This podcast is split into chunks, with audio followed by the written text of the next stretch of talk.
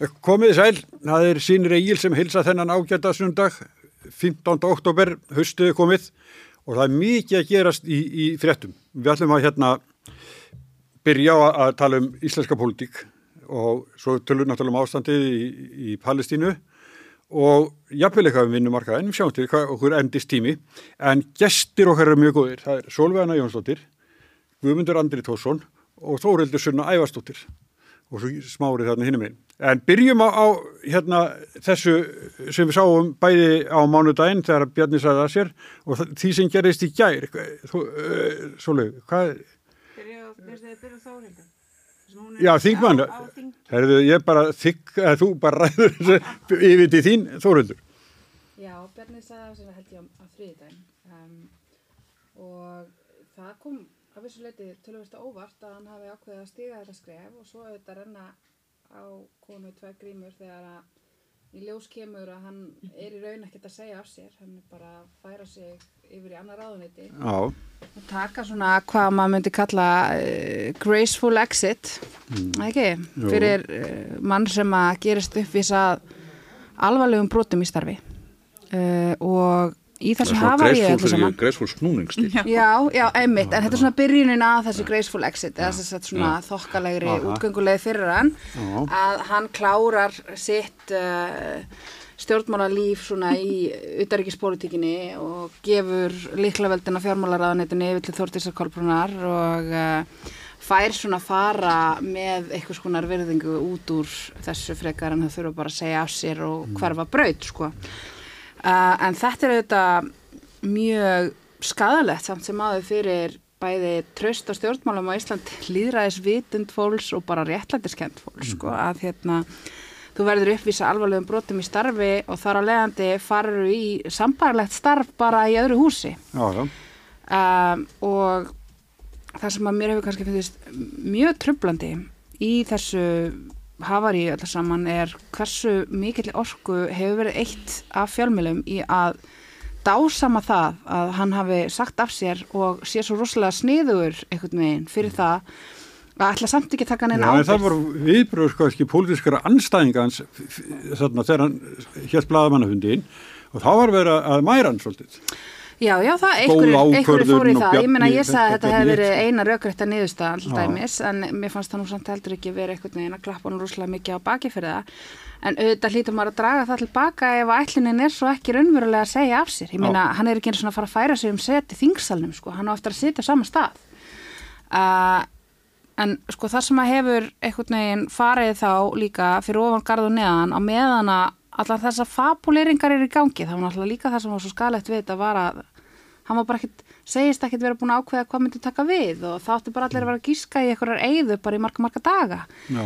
um það og það býr til þetta andrúsloft þar sem allir eru bara að spá í hvað Bjarni ætlar að mhm. gera og hvað hann er snjall og hvert hann er að fara og hvað er að fara að ski og ba ba ba mm -hmm. og þá er engin að meðan að rína í hvað stendur önverulega í þessu áliti frá umbásmanni það er einabla ekki bara það að það standi þarna hann hafi brosti hæfi til þess að selja pappa sinu hluti í banka sem við höfum nú haldið fram alveg frá upphafi og höfum nánast verið kvöldu klikkuð fyrir já, já. Uh, Þráhyggjum? Já, bara gert já. lítið úr okkur fyrir já. þetta uh, og hérna bara ófáskiptir sem að ég minnst að þetta og verið kölluð alls konar einhverjum eða svona verið sökuð um mm. bara vera vittlisingi uh, og svo kemur þessi bara það sem að mér fannst alveg augljóslega bersinlega niðurstæði ljós en það sem að kemur líki ljós er að fyrsta lagi þessi armslengt og ég sverða ef ég hefði sko, ég meina þið mætti alltaf að skera þetta, þið eru alltaf kannski með græðnar til þess sko, ef ég hefði græðnar og know-howið þá væri ég búin að klippa saman sko, öll skiptin mm. sem stjórnarlegar hafa sagt armslengt í tengslu við þetta mál og þau eru mörg mm -hmm. og margvísleg og það væri svona tíu mínútnar langt myndband bara af mismunandi skiptum sem þau hafa sagt armslengt mm -hmm. sem leið til þess að sko koma bjarna undan allri ábyrði á hversu mikil katastrófa þessi bankasala er búið að vera frá all ö. Þau segja já nei bjarni byr ekki ábyrði á þessu því að það er armslengt þessu hérna á milli hans og bankasýslunar og þar að leiðandi byr bjarni bara hann byr enga ábyrð uh, og það er allt bara bankasýslunar að kenna og við ætlum að leggja hana niður eitthvað tíman, lóðum engum hvenar og uh, öruglega breyta einhverju regluverki og endurheimta tröst áður en við seljum meira af þessu banka en Bjarni gerði ekki drangt, það var þessi bankasísla armslengt, armslengt, armslengt og það sem að umbúsmaður segir í þessu áliti sínu og hefur ekki farið hátt er að þessi armslengt er ekki til. Hún ásýr enga stóði í lögum, þetta kemur fram. Það kemur líka fram að Bjarni ber stjórnskipulega ábyrð á því að tryggja það að bankasíslan hafi farið að lögum og að hafa eftirlit með starfsáttum hennar til þess að tryggja svo verði og hann hafi brúðist þessum skildum sínum. Og samtíkja alls tilbúið, hann átti að gera það líka. Já, það er endar ekki afmarkað svo skilt í þessu áliti í haumbásmanni. Ef við horfum á sko laugin sem gilda um sölumeðferð og eignar hlutum ríkisins í fjármálafyrirtækjum, þá er alveg skýr munur á fyrra útbóðinu sem var almennt útbóð mm -hmm. og svo setna útbóðinu sem er þetta tilbóðsfyrirkomulag þar sem að kemur mjög skýrt fram í greinagerð að ymmit ráð þeirra eigi að fara yfir hvert og eitt tilbúð. Já, já. En sko umbúrsmaður tekur, tekur ekki afstöð til þess í þessu áliti heldur kjánstana þeirri niðurstöð að hann hafi brosti hæfi vegna þess að hann tók þátt í undirbúningi á þessari ákvarðan og það er nóg mm. til þess að hann hafi brosti hæfi og hann er ekki að leggja beinlinni smat á hvort að ráð þeirra hefði átt að fara yfir hvert og eitt mm. tilbúð eða ekki.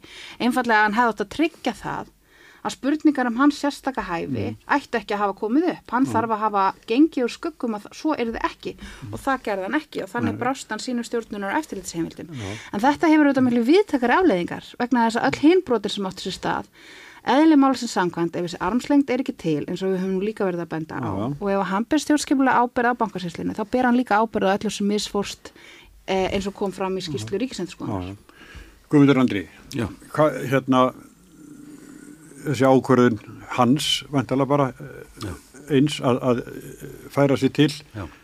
dugar þetta til að, að, að svona sættast við hann sko, hún líst þessu vel um þoruldur að sko að þetta er rauninni armslegnd frá ábyrð sem að, mm. hérna, þetta er ekki armslegnd frá ákvörðun heldur þetta er armslegnd frá ábyrð sem að þetta er rauninni snýst um um, ég fannst að sko það, það er tventir sem að ég fór að hugsa um uh, fyrir utan þetta sem hefur náttúrulega þráfallega komið fram að, að hérna uh, mér fannst það strax að, að þegar það kemur upp að það voru brotalamir á þessari sölu og það kemur upp til dælu að fljótlega og mm. það var svo sannarlega ekki að frumkvæði ríkisjóttarar sem að það kom fram heldur eiginlega barðist valdið um að hæl og nakka við að, að, að hilja slóð sína, getur við sagt, mm -hmm. en það tóst ekki og það komu fram þarna alvarlega brótalamir og strax þá, strax þá átti Bjarni að segja af sér. Og ekki bara vegna tengsla sinna við Benedikt Sveinsson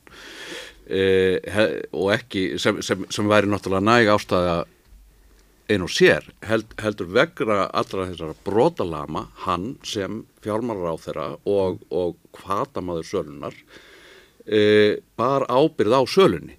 Og hans ábyrð var svo, hans starf var það að e, gæta hagsmuna almennings, gæta hagsmuna eigenda bankans e, við söluna á þessum verðmætum í eigu Já. almennings. Og gerði það ekki? Hann gerði það, hann brást þeirri hérna, frum skildu sinni mm. e, bara um leið og það kemur í ljós að það, það voru þarna výlingar og dýlingar og það var þarna verið að, að kalla í einhverja sérstakka vildar, mm. vildarmenn til þess að kaupa og það var þarna innherja og það, það var bara allt mm. og, og, og strax þá áttur hann að segja á sér, mínu viti Rétt eins og, og bank, að fara, rétt eins og bankastjórin og Já, rétt eins og bankastjórin Nei, ég meina það hefði líka það eka bankasísluna fyrir ekki eins og hann leggur sig sko Já, ég segi sko, já, nei, refsingin sko kom í Íslandsbanka sko. Bankastjóri misti starfið sitt og ykkur annar. Já, ég meina, þetta sko. er ekki ábyrgakæði, þetta er armslendarkæðja sem við öfum hérna. Eh, sko hitt sem að ég fór aðeins að hugsa um sko við kannski ræðum það betur og eftir sko það, það er hérna hvernig þessi ákvörðun var kynnt. Eh, eh, hvernig þau gerðu þetta þarna í gær með þau halda þennan blagamannuhund og, og ég slí sjálfur sér hérna það, það, það var margir bent á að hva, hvað það sé óðurlegt að hann, þetta verði meira snúningsörð heldur hann að hann sé að hérna víkja.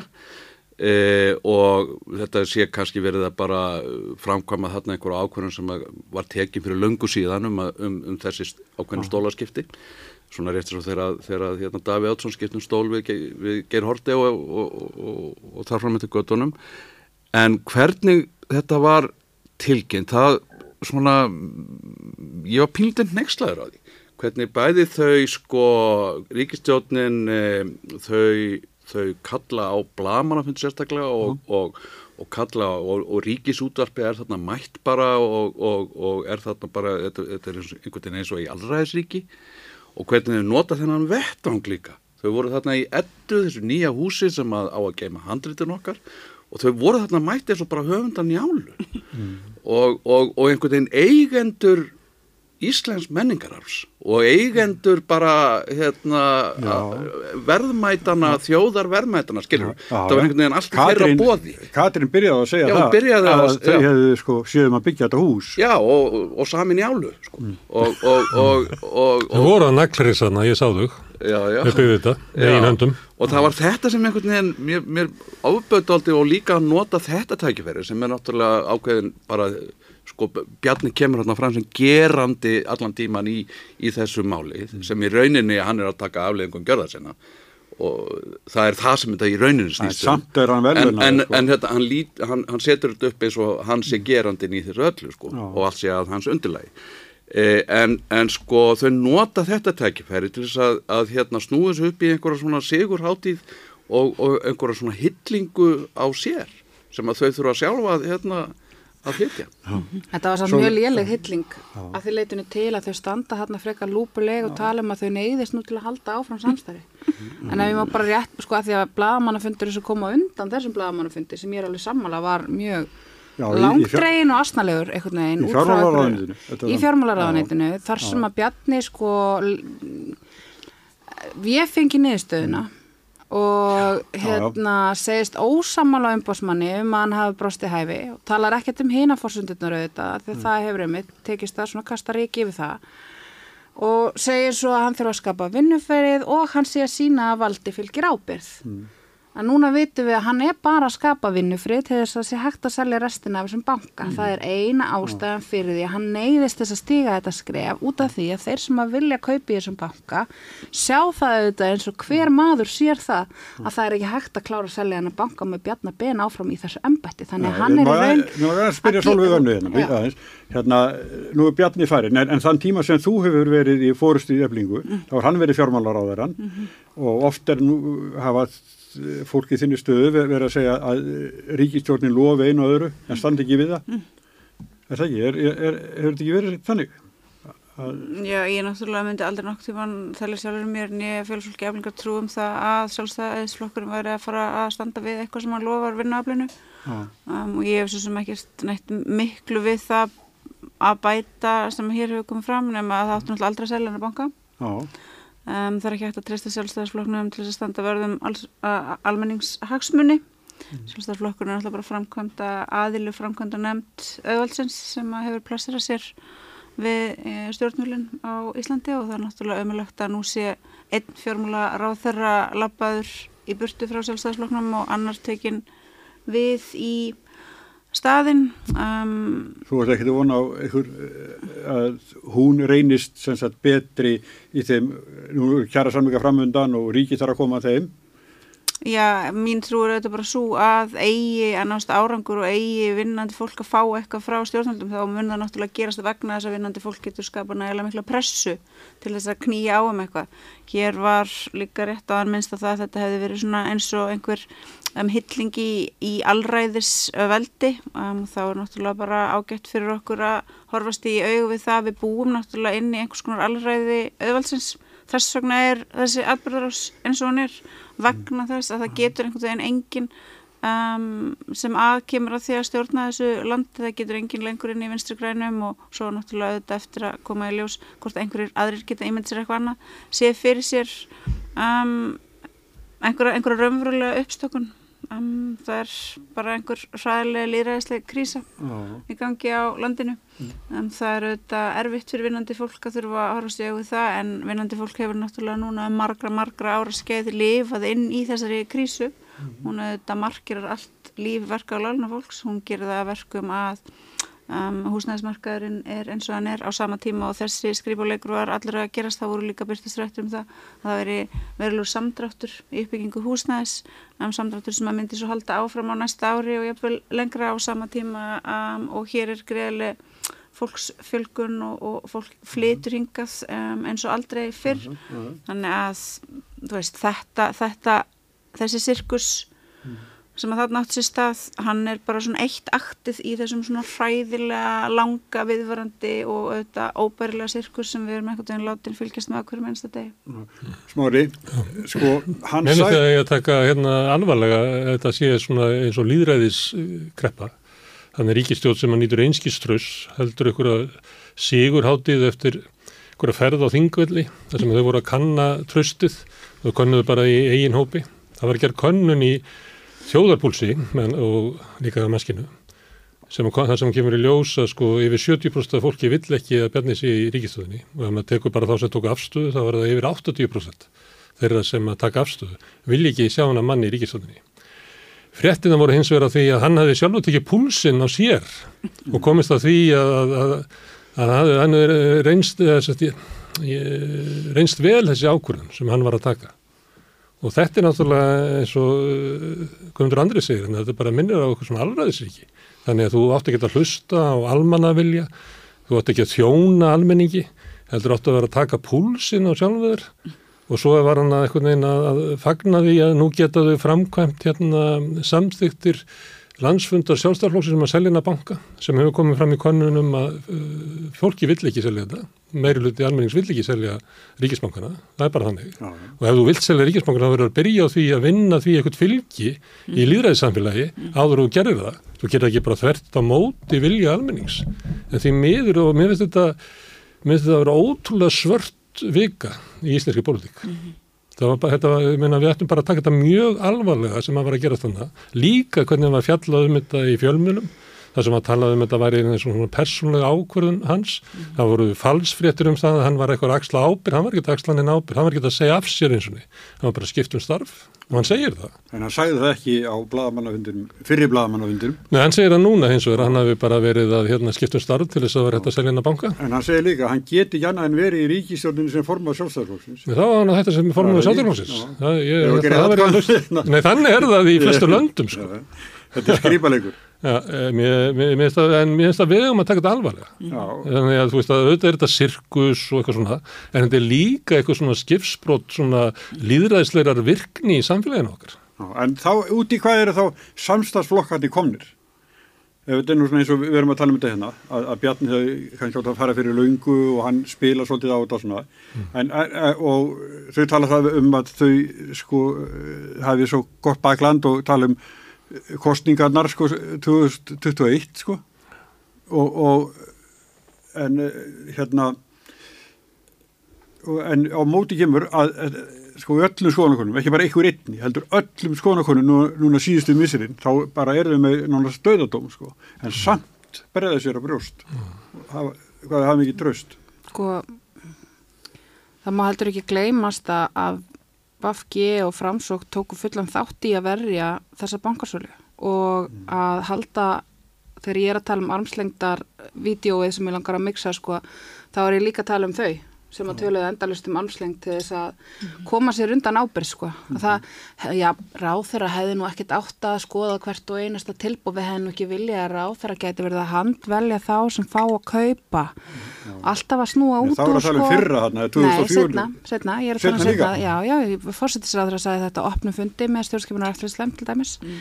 Uh, og uh, þetta er búið að vera línan að við hefum ekki viljað að Bjarni geti handvali kaupendur og þess vegna er að hann vissi bara ekkert hver að vera að kaupa og þar leðandi getur hann ekki verið vanhæfur af því að hann vissi ekki hver að vera að kaupa þetta er náttúrulega, sko við vorum að tala um sirkus þetta er ákveðna sirkuskunstir að þú getur talið, þið getur farið fram hjá stjórnsynslulögum að því einfallega vita ekki að það sé verið að brjóta þér eins og þú hafur ekki líka rannsóknarskildu sem ráð þeirra til að tryggja það að vörður sér staðin um reglutnar sko og Katrín varðan fullum fettum og það gerði framsókn líka. Þau hafa staði gegn rannsóknanemnd sem að ég hérna krafðist bara strax og hann Bjarni sagðist myndi setja ríkisendur skoðin í verkið að þá bendi ég honum á og það væri bara og stjórnulegum, það væri bara engan veginn nú, þau hefði ekki þær heimildir sem þyrti og við erum bara alls saman um það í stjórnarnarstöðinu og líka þjóðinn að það þurfi rannsóknar nefnd alþingis til þess að fara hún í sauman á þetta mál út af því að hver einasta skýsla sem kemur út það er kolsvert mm -hmm.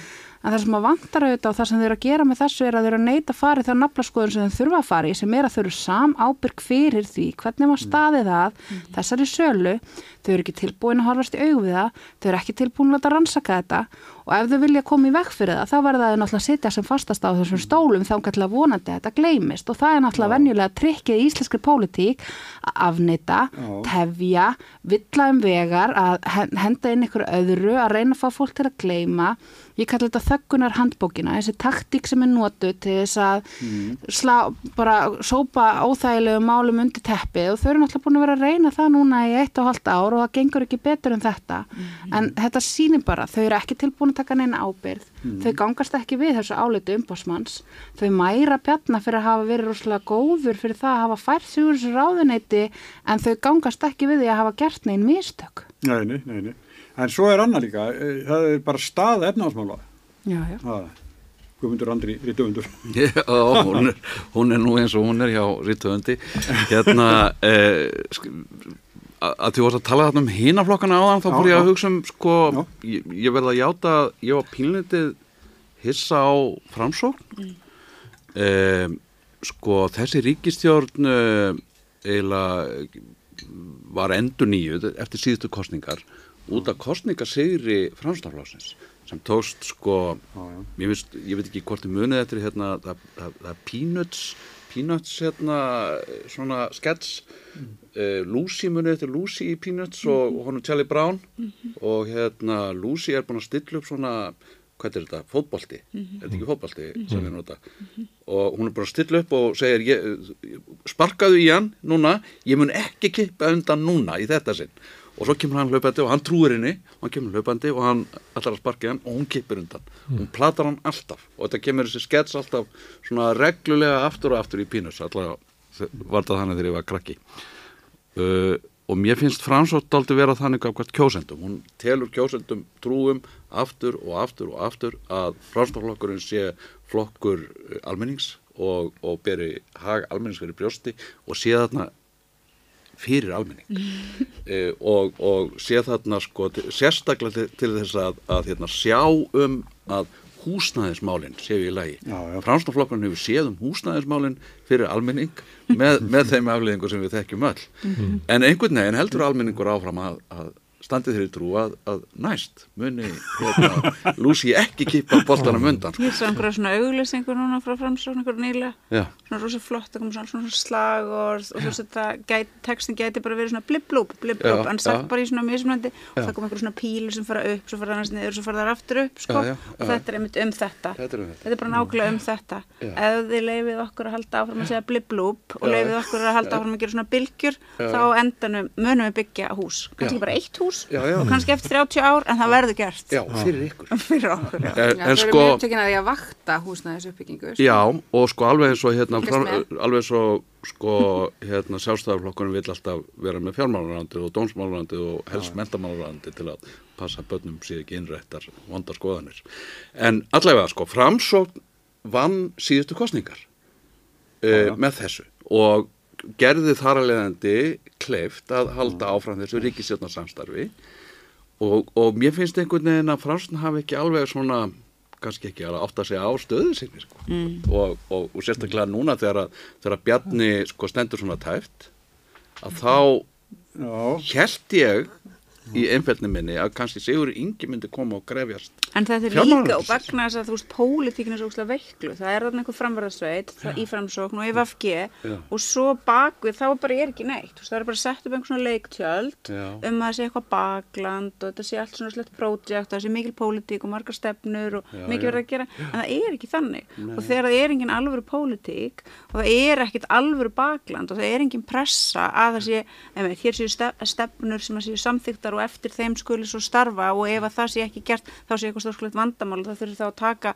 eitthvað samtal við einhverja fóristu það er bara aldrei gert, þess vegna er þetta svona fáránlegt. Já. þess vegna er alltaf hægt að sitta afstæða nákvæmlega sama leikritið þess vegna er alltaf hægt að stilla sér upp emitt um, fyrir framann eitthvað nýtt fallegt leiktjald láta eins og allt sé ótrúlega flott og láta eins og þetta sé mestu stjórn snillingar sem að íslensk þjóð við nokkuð tíma verið svo heppin að fá að eiga en bakvið um leið og dregur frá, það bara er ekkert bara ekki neitt, það er bara svart hól og ekkert og það er ræðilegt og Það er staðan í íslensku stjórnmálum að þegar kemur sko stjórnakreppa og erfileikar Já. þá fer fórusta flokkana og ræðir við auðlýsingastofu Mhm. og pérmenn. Þau eru ekki að tala við græsrútuna sína. Það er. Það er ekki græsrút. Sko. Og þetta er náttúrulega ástand sem að við verðum bara einhvern veginn að komast út úr. það er engin græsot, það eru bara það eru karrieristar og fólk sem áttar sig á því að það er, þú veist, mögulega hægt að fara eitthvað og segja eitthvað og gera eitthvað og þá getur þú fengið vinnu út á það og góð laun og svo framvegis Þannig að Það er græsrót í okkar that's flokku. it Já, ég meina það er líka bara, það er alveg ykkur grasút eins og í sjálfstæðisflokknu, þau eru alltaf duðlega að mæta. ég var sko ekki að tala um Nei, sjálfstæðisflokk. það er sko var það er sko illgresi að Já, sprett út um allt. Já, já, ég þekki svo sem ekki Jesus vel inn í hvernig þetta er þar en það er auðvitað búið að rjáttlast mjög mikið af Vafki og, og, og það er náttúrulega bara viðkent þarna á þessum landsfundi sem að, eða hvað sem það var þarna á Akureyri sko að þá þegar að hérna frangotastjóri Vafki var spurð út í í algleimingi sko hvort það væri hérna væntingar um að það erði mikið tekist á um útlendingamálina þá sá hann já, í flestir sem að hefðu ykkur skoðanar að því eru farnir sko. og ég, verið, ég mér fannst þetta svo einkennandi út af því að einmitt að fólk sem að hafði ykkur eitthvað svona mannuðar sín í þessum málaflokki það er bara búið að yfirgefa flokkin uh, og framsók þú veist maður sé svo sem ykkur að fundi og svona ég veit ekki hvað gengur þar á það er alltaf rosalega erfitt að meta svona hluti sko. En ég held að það er auglýsing í gangi núna sem er um það að vara fólk við að hafa einslita fórustu í fyrirtækjum og ég held að þetta sé frá hérna einhverju jafnbrettisstofu eða eitthvað slíku Kallar í bláu sem er akkurat um þetta. Að það er hérna hvernig á það að geta komið eitthvað gott út úr framsókn og vafki ef allir sem að andmanna stefnu fórustunar eru farnir? Það er náttúrulega siglir þetta fólk bara á einhvern vegg. Já, já, og, Það og ég að meina vita. það, við vitum líka eins og til dæmis á síðasta kjörstímabili að þá var rosa hérna að mínum að þetta er grimmilega að fara með þá sem ekki voru til í að fylgja línunni bara komplett sko. Eh, þannig að það er líka svona ákveðin stemning sem myndast þarna þar sem að það eru þetta bara ekkert hægt að þrýfast inn í flokki sem að kemur svona fram með fólk sem er ósamalæðum sko. Og það er náttúrulega mjög erfitt að byggja upp solid politík á sérstaklega svona mm, á þeim tímum sem við lifum, það er erfitt og það er erfitt að þú spúið til stefnu og ætla svo að starfa eftir henni um, og það er, þú veist, það krefst bara miklar vinnu og það krefst svona sjálfsaðhalds og það krefst þess að það sé ekki bara haldnir fundir stöku sinnum sem að breytast svo bara í einhverja svona halleluja samkomur. Heldur eins og þeir náttúrulega í píritum voru allavega að gera, ég bara þekki ekki núna þannig ég ætla ekki að úttala mig um það. Þú veist það krefst þess að það sé einhver svona virkni að fólk komi saman með mjög reglulegu millibili og sé að skoða og sé svona aktíft að ræða hvað eigi að gera og hvernig að bræðast við atbyrðum sem upp hafa komið og hvernig eigi svo að fara áfram. Og það er náttúrulega bara það sem er ekki að gerast og ég er bara 100% sammála því að í stað þess að þetta fara og einhvern veginn snúa sér í átt að kjósendum um, eða einhver baklandi, einhver græs og þá bara hlaupin á næstu auglýsingarstofu og verkefni sett í hendur á þeim sem geta teknað svona flottustu myndina og búið til um, eitthvað svona fyrirbæri sem að lítur um þetta út fyrir að vera mjög glæsilegt en þú veist, er bara akkurat leiktjald til þess að Mm. hilma yfir með og ég myndi ekki skilja sjálfstæðsflokkin eftir því að í, á tíma Bjarnar Benedíssonar þá hefur, hefur hérna, fólkið sem vildi gangi að Europasambandið farið.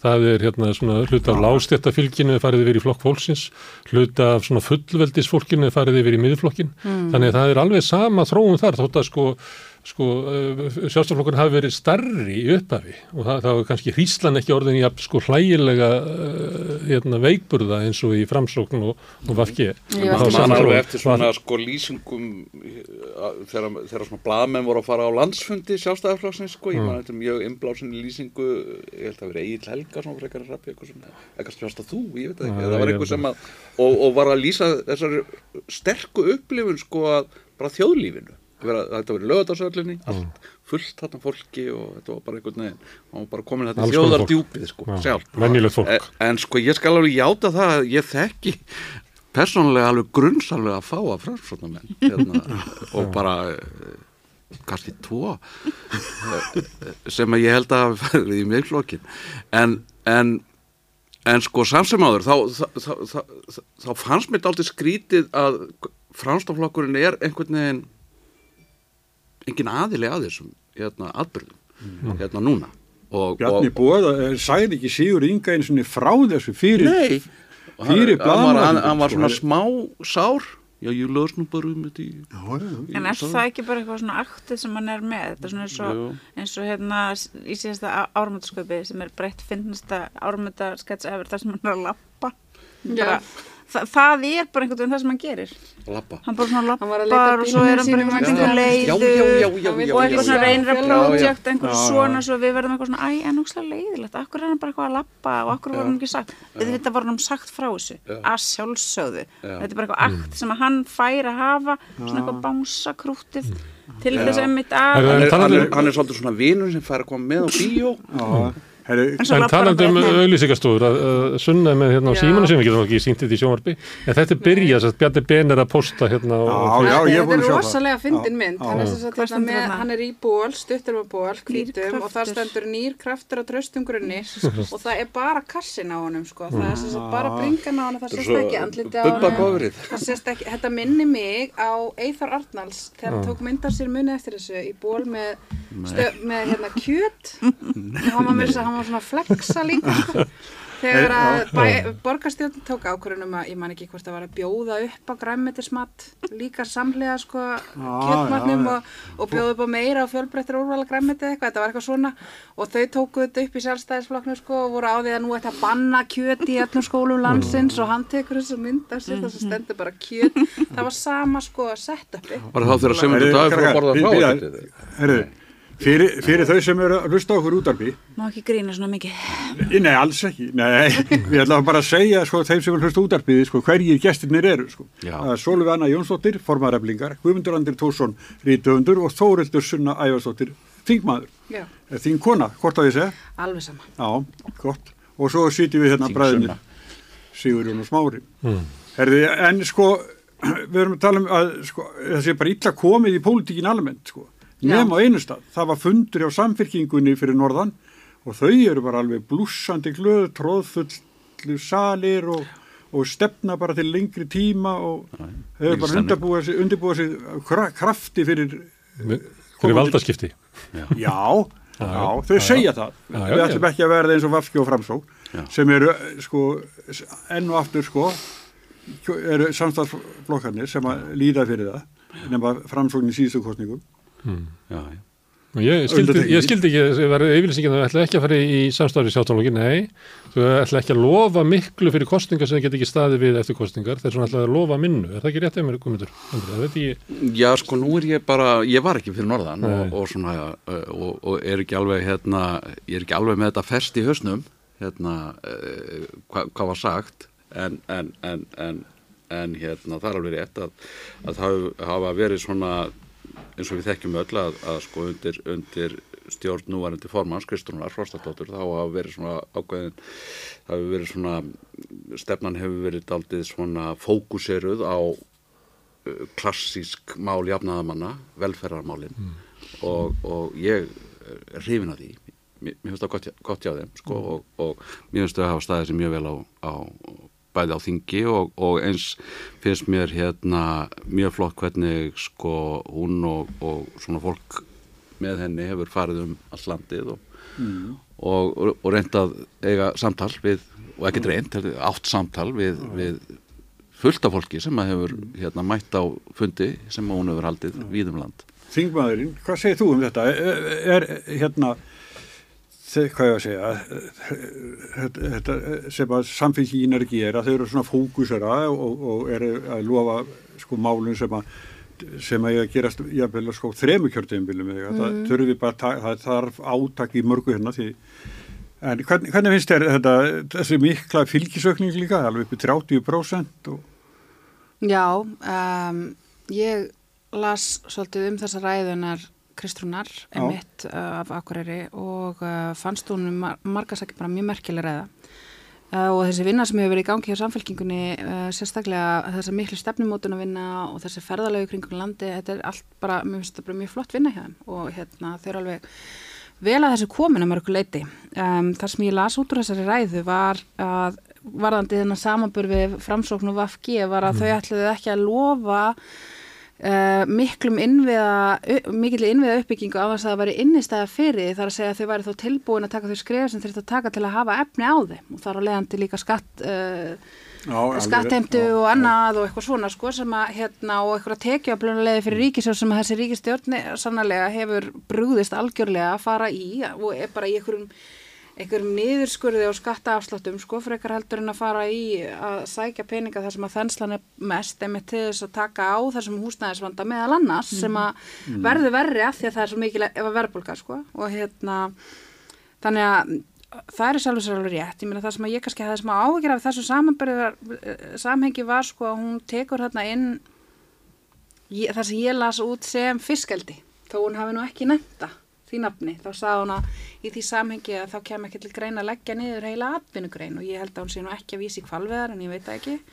En hún er allavega að öllu líkitu þarna að vísa í sko fiskeldi og þá miklu óanæju sem að hefur byrst gagvart þeim sóðalega uh, atvinnuðinæði uh, sem að er að hafa óafturkræfar afleðingar á lífkerfi Íslands og við höfum til dæmis verið að kalla eftir að ætti bara banna alfarið með mótvæðisaðgenum fyrir byggðirnar sem að reyða sig að miklu leiti á þetta. Þá kannski svona það sem að böggaði mér mest við þessa ræðu er einhvern veginn að já við ætlum samt að halda því áfram þótt að við vitum að það hafi okay. en hún sagði það ekki byrja morðum eins og ég segi, ég las þetta bara svona mellir línana mm. þú, þú skildir þetta rétt eh, og, og ég var nú þegar ég þegar ég satt á þingi og, og þetta mál kom upp þar þá, þá var ég þá var ég og Helga Vala við, við skárum okkur úr uh, í þingflokki samfengengarnar af því að hérna, við greitum að hvaði uh, með náttúrunni, skulum við segja mm -hmm. og, og, e, og en aðrir í þingflokknum greitu aðrir í sakvæði og, og þetta hefur verið svona stefna Kristún er í rauninni að að tólka þarna stefnum flokksins eins og hún hefur verið sko. mm. Einu sem var þetta að kalla stóriðjokratar Stóriðjokratar Fisk hérna, Já, svona atvinnu uppbyggingar atvinnu uppbyggingar kratar, já, já, mm. það, það er alveg rétt og, og hérna, og ég er ekki sammálinni þar og ég vil hérna en, en, en sko ég hef alltaf litið á samfélkinguna sem samfélkingu uh, og þar eru ólík, ólík öll, ólík sjónumið og, og takast á hérna takast á um, um stefnuna og en, en ákveða að vinna saman um, um það sem við álitum vera mikilvæg Hörru, áður en þáttunum búin Ég las líka að frettum þetta og ég, ég held að það er loka versmiðum eitthvað slús Líka, já. já, en líka að leggja niður heilar atvinnugreinar, mm -hmm. það er það sem að ég... Mér fannst áhugavert að segja Kristján Þorður um, sem að satt um skammarrið sem fórstu alþjóðsamhætsins og er núna í einu svo kallega fórsetta teimi alþjóðsamhætsins, hann er komin inn í einhverju nefnd með konur framverðarsveit atvinnureikanda og, og hvað á svo að koma út úr því veit ég auðvitað ekki. Þú veist að tala um Margreði Krismars? Já, já, já, ég held að. Já. En það er greinilega á einhvern veginn að taka þarna inn og reyna einhvern veginn að byggja upp einhverja tengingu en þá við auðvitað svona kannski uh, kannski ekki valda mest en svona þann hópverklisreifingarna sem sannlega nýtur mesta, mestra forréttinda og það verður áhugavert að segja hvort að samfélkingin og hvort að Kristján og hvort að svona sá armur sem hann á þá representera þarna inni geta átt að segja á því, á því að í því ástandi sem nú ríkir þá þetta verður að beina sjónunum að þeim sem verst hafa það þá mm. náttúrulega gæti samfélkingin sannlega farið á einhverjar atkvæða veiðar hjá um, fólki sem að kannski á þessum tímpunkti hefur engan sérstakann áhuga eða enga svona kvartningu til þess að kjósa samfélkingu. Þeirra læslaunustu í, í þessu ríkalega vaksta og grei og, og, og dýrtíðinni sem er. Mm. Það lítur að vera fjöldi fólk sem er í eflingu sem á í miklu vandraðum að láta endan og saman. Já, um, það er bara fárunlega stór hópur, svífurlega stór hópur um, og hlutnir hafa svona verið að fara núna versnandi frá 2021, finna á um húsnæðismál hafa náttúrulega núna lengi skammarlega lengi verið stór vandi hjá mm. marka á lálunafólki, sérstaklega hér á höfuborgsöðinu. Við náðum að getum árangri með þeirri leið sem að farin var í lífskjærasamlingunum og þá er ég náttúrulega bara að tala um það er svona hækkanir sem að þar náðust og svo kom um, til viðbútar við þær um, skattalækkun til tekjulegstu hópana en svo hefur hafa hlutinir farið já. mjög versnandi síðan 2001 já, og, og kaupmáttur auðvitað rýrnað mjög verulega. Um, og svo þegar að við það bætist um, vandin á húsnæðismarkaði þá er ástandið orðið algjörlega ólíðandi og mm, staðan til dæmis þannig að um, gríðilega hátt hlut, hlutvall eflingar kvenna lifir bara við mjög erfiðar aðstæður sem hefur mjög slæm áhrif á þeirra andlegu og líkamlega hölsu 50% eflingar kvenna sem að tala um slæma andlega helsu og fárlega stór hópur þessara kvenna sem eru fullvinnandi manneskjur á íslensku vinnumarkaði sem eiga mjög erfitt með að sjá mm. bara fyrir afkvæmum sínum um, þetta er auðvitað bara sönnun á því að svo efnagspolítík sem að hér hefur verið reygin mm. algjörlega óáreitt um, er um, einhvers konar glæpastarðsemi gagvart vinnandi fólki, gagvart láluna fólki. Mm. fólk er arðrænt um, á, á sínum vinnustöðum það fær ekki nægilega hálaun til þess að geta e, e síða fyrir sjálf sér og, og fjölskyldum sínum. Svo fær að týðkast arðrá nummer tvö þegar það kemur á húsnæðismarkanum sem að gera það verkum að fólk um, heldur litlu sem að engu eftir af sínum ráðstöðun að tekjum. Það litlu sem eftir er þegar þú ert búin að borga húsnæðiskostnæðin farð þá bara augljóslega í að borga allt hitt sem þú ert eftir að borga. Og þetta augljóslega ger það verkum að börnin þín og þú eru bara komin á hörmulegan stað. Fólk er að taka yfirdráttarlán smálán og svo framvegis í sí vaksandi mæli. Í þessari fátækt flækist ver, verður þetta alltaf verra og verra Já og þetta er svo klikkað ástand sko eins og núna ég menna það er ekki eins og að sé atvinnuleysi það er ekki eins og að sé kreppa hérna á höfbruksvæðinu það er blúsandi bara uppgangur Já. það er næg að vinna að hafa um, sem ættu auðvitað geta gert það verkum að fólk sem hefur ekkert að selja nema aðgangin að vinnuaflunum sínu gæti þá kannski svona aðeins bætt stöðu sína með því að vera þá bara stöðt í vinnunni, ég er ekki að segja það sé gott en þá ætti að, að hafa þú veist, þú ættir að fá eitthvað fyrir það en það er aldrei ekki þannig, eflinga kallar vinna mjög, mjög langa vinnuvíku eflinga konur hafa um 20% eflinga konur í eh, tveimu vinnum. Eh, en þetta skilar fólki engum það sem áður var þó hægt að gera þú gæst að þræla þér út og strítað en þú varst að gera það til einhvers þú varst að gera það vegna þess að þú varst að fara að kaupa þér íbúð, þú varst að fara að byggja þér þitt e eigið húsnæði eitthvað svoleiðis, fólk var tilbúið til að gera, gera þessa hlut af því að það var að tryggja sér og afkamum sínum einhverja stöðu, það er ekki lengur hægt. Jú, og, og, og vextir voru mjög lágir sko. Já, og svo kemur stjórnmálastjættin og býtur höfuð að skamminni og neytar þeim um hennan raunveruleika sko, og heldur því fram að tekjujöfnu sé svo mest í öllum heiminum hérna já, já. og það sé allt bara ótrúlega frábært á Íslandi Það er bara gaslýsingar og tilrunir til þess að jáðar setja og útiloka rættir eflingar fólks, rættir eflingar kvenna eru náttúrulega með stórkuslegum ólíkindum og já, ég menn það er auðvitað til þess að koma bara í vekk fyrir það að þessi raunveruleiki sé viðkjöndur vegna þess að ef að fólk í háum stöðum þarf að viðkjönda þá þarf hann auðvitað að gera eitthvað í húnum og það er það sem það vil ekki gera. Mm. Smáður, þú hefur að tala um Íslandinga sem já. hafa flúið Ísland já, og, og búa í Gerði núna í vikunni talaði fólk sem er uh, fluttið spánar því að við áður talaði haft, svona sjóðfundir og Zoom sem ég er með, talaði við landflotta Íslandinga og fyrst talaði ég við fólk á Norðurlöndunum og þau eru lístu bara að þau voru efnæslegi flótamenn. Það væri, hérna, þetta samfélag hérna er bara mannfjandsamlegt, badfjandsamlegt, fjölskyldufjandsamlegt. Þetta er bara, fólku upplifir að það sé bara fasta á einhverju hamstursjóli og í látlösu stríti sem ekkert skilir eftir sér. Svo ferða inn í uh, skárið samfélag.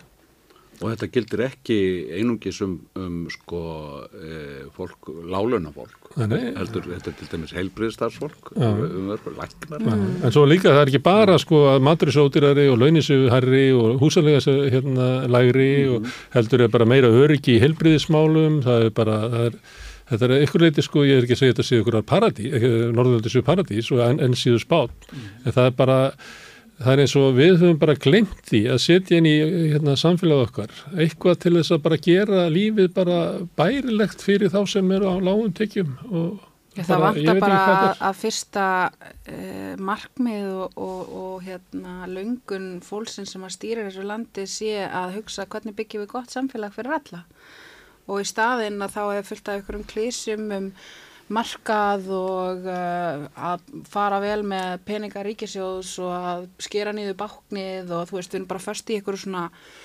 nýfrjálsíkju klísum sem að sjálfstæðisflokkurinn er búin að vera fastur í bara frá því að þeir lásu æn rand eitthvað tíman og þeir bara, þeir komast ekki út úr þessum hugarheim og þeir ráða svo miklu hérna að það, það þurfa allir bara eitthvað neina að fljóta með og það er ekki verið að gera neitt út af því að sjálfstæðisflokkurinn heldur á fjármálaráðunitinu, heldur utan um þessa stjórnatöima sem þess kemur að hvernig efnaðarsmálum er stýrt hérna og þau bara byggja all, allan sinn veruleika á okkur um löngu afsannuðum krettum um bröðmóla sem að Uh, hinnir eiga að vera voðalega þakklatir fyrir að reyna að finna götunni eitthvað stað sko, og, hérna... og hinnir flokkarnir spila með. Já, já alveg sem er störtlu hugmynd, hugmyndir er svo við hefum ekki að gera eitthvað fyrir þig sem ert á langum tekjum með, með, með börn og ert leiðandi við hefum að gera eitthvað fyrir mig því að ef ég hef það sem allra best að þá mynd hérna, þér líða betur. Ég, mena, ég næ ekki hvernig þjóðingat gengið inn í þessa Mér fannst eiginlega einn svona eh, eftirminnilegasta setning þessa kjörtjáðanbils og kannski bara enkennin setning þessarar uh, setni ríkistjórnar Katarina Jakobsdóttur vera það sem að Bjarni Bendursson sagði að með minnir í umræðum um, um fjárlög, ég maður ekki alveg eða hvort þau eldurstafsumræðum það er ekki endalast til sagðan og mér finnst þetta sína svo hérna, þetta, það kjarnast þarna svo vel ákveðin, ákveðin hugsunarháttur. Það er ekki endalust til. Og þá er hann að tala um sko fjármag til þess að búa til svona hvað við segja, eðlilegt e, velferðarsamfélag. Með, e, e, það sem er svona líft fyrir, fyrir venilegt fólk, það sem hægt er að hægt er að e, eiga stundir með börnunum sínum og það sem að hérna, vinnudagurinn er ekki alltaf langur og það sem hún fær kaup sem þú getur framflettir á sem að dugir til þess að standa skila á afborgunum og kaupi matinn og, og, og svona. Og kannski fara á til í bíó. Og, já og við erum að tala um framlög til þessa. Nei, mm. það er ekki endalust til Sko, en hann har nóg til til þess að styrkja bílalegur. Hann har nóg til til þess að sko- styrkja samerja hann har nóg peninga til þess að auðsa í vinni sína. Já, en sko all, allstaðar þegar kemur að samerja þegar kemur að veðigjöldum þegar kemur að hérna, fjármarstekjum hann styrkti samerja og þá, þá, þá, þá hugsaður hann alltaf nei það er ekki að taka þarna því það er ekki endalust til. Það er bara einn ein staður þar sem er að hans mati og þeirra sem stjórna endalust til. Og það eru vasar launafólks vegna þess að sko skatar á, á vennulegt launafólk á Íslandi eru bara með því hærra sem gerist mm. e, sko en, en skattar á, á, á fjármarstekjur og, og, og veðigjöld og annars leitt, það er með því læra sem gerist mm. þannig að það, það er sótt endalöst í vasa hérna vinnandi mm. vinnandi fólk. Það segur hún alltaf ekki að tala um, um Palestínu áður við slítum þessum lið Jú. sem er alltaf kannski En klukkan er að verða hálf sko ef einhver þá við verðum að taka Palestínu vegna það er náttúrulega stæðsta frétti vikunar já, því að já, það sem hafa gerðist hérna á Íslandi var náttúrulega ófrétt já. í raunvöla þóttu við sem að draga ágjörlega upp ástandi sem hafa lísti að þá gerðist ekkit annað en að þau skiptum um stólanna en Palestínu er náttúrulega frétt vikunar Já, já, já, já, já. Mm. Ég var að hlusta á bara, með ég kerði hinga, þá var ég að hlusta mjög góðan þátt á samstöðinni mitt um, um Palestínu. Mm. En svo erum við annað, þú ert að fara að tala á Östuvelli. Já. Hvað heitir þetta? Samstöðufundur eða mótmælufundur? Samstöðufundur með Palestínu, held ég. Og hvernig er það? Hann er núna klokkan þrjú á Östuvelli. Já, já. Við ættum náttúrulega að mínu vita að vera fyrir fram að bandarinska sendiráðið, en, en erum á Östuvelli, allavega í dag. Já. Mm -hmm. Er erindið hlýtur að vera það að um, búa til einhvern vettvang fyrir okkur sem að um, afbyrjum ekki þennan hrylling sem er í gangi á þessum tímpunkti þá eru þetta bara ástandið svo skjálfilegt að það þýðir ekkit eins og að fara að láta eins og tilgangurinn sé eitthvað mikið meira en það að koma saman um, standa saman um, viðkenna að við sjáum og upplöfum hennar hrylling að við skömmumst okkar fyrir þáttöku og meðvirkni og stöðning stjórnvalda okkar. Við skömmumst okkar fyrir þáttöku og meðvirkni og stuðning um, Evrópuveldana. Við skömmumst okkar fyrir hryllingin sem að Bandaríkin og Vesturland leifa eiga sér stað þarna. Og að við ætlum allavega hana þó að því meður getum við ekki gert mikið meira en það að um, byrja vittni um það. Að það er verið að þræmja þjóðurnisrensinir. Það er verið að fara að breyta gasa í ösku sem að mun blása burt í vindinum. Að veröldin er komin á þennan hryllilega stað og hún er ekkert komin á annan stað af því bara, hún er komin á annan stað vegna þess að allar hugmyndir um að friður sé betri en stríð, að diplomasía sé betri en um, stríðsæsingar, að þjóðuríki um, hafi eitthvað um sitt sín mála að segja, að Palestína megi vera þjóðríki og land fyrir fólkið sem að tilherði því að alþjóða lög um, skipti einhverju máli að alþjóðleir sáttmálar skapaðir í kjölfar um, helfararinnar og hryllingsins sem að setja heimströldin var að þetta skipti einhverju máli við erum bara komin á þann stað að við þurfum að horfast í og við ekki af þessu skiptir lengur máli algjör hörnun alls þess sem að þó náðist einhvers konar samkommurlagum á 20. öldinni í kjölfar þeirra hræðilegu stríða sem að þá gengu yfir og, og örutu þess að týjir miljóna dói við skjálfilegar aðstæður, bara allt glemt. Og vestan af aldastjætt, bandaríkin eru geðveik, þau eru gengin að göblunum um, þess vegna erum við að fara að koma saman. Þannig að þessar varnir sem er búið að búa til með samtíktum og hér og þar í, sem, á þessum tíma, þeim er öllum rutt og vegi. Sko þetta er náttúrulega bara þannig að þetta rasismi er og hefur alltaf gert það verkum að vissir hópar þeir að skilið einhverjar varnir meðan að aðrir hópar eiga ekkert skilin nema mm. landrán og pyntingar og morð en já, við erum komin á einhvern geguvanlega ekstrem stað sem að ég held mögulega að þau okkar sem að fylgdust til dæmis með innrásinni í Afganistan og svo innrásinni í, í Írak og svo öllum þeim hrylling sem þar fylgdu eftir heldum að myndi kannski ekki gerast. Við heldum kannski að það er einhver lærdómur dregin af þeim viðbyrslegu katastrófum. Já. En því miður þá var sá lærdómur sem að dreyin var akkurat sá öfi við það sem við vildum að við myndum læra, við vildum að við myndum læra að, að það þyrti að tóna blóðlostan niður. En þau sem fara með völd þau lærðu það að það þarf bara að gera þetta með meiri og ekstrem hætti valda bara yfir all andstöðu banna mótmæli, svifta fólk málfrelsi, gera uh, fána Palestínu og þá aðra fána vantarlega í kjölfarið ólöglega. Þannig getur útbúið um, grundvöld fyrir því að það sé hægt að fremja þjóðarninsreinsanir og þjóðarmorð og að fólk raunverulega geta ekkert gert að stoppa. Svolítið svona, við vorum fyrst þjóðarþekki til að viðkjöna sjálfstæði Palestínu.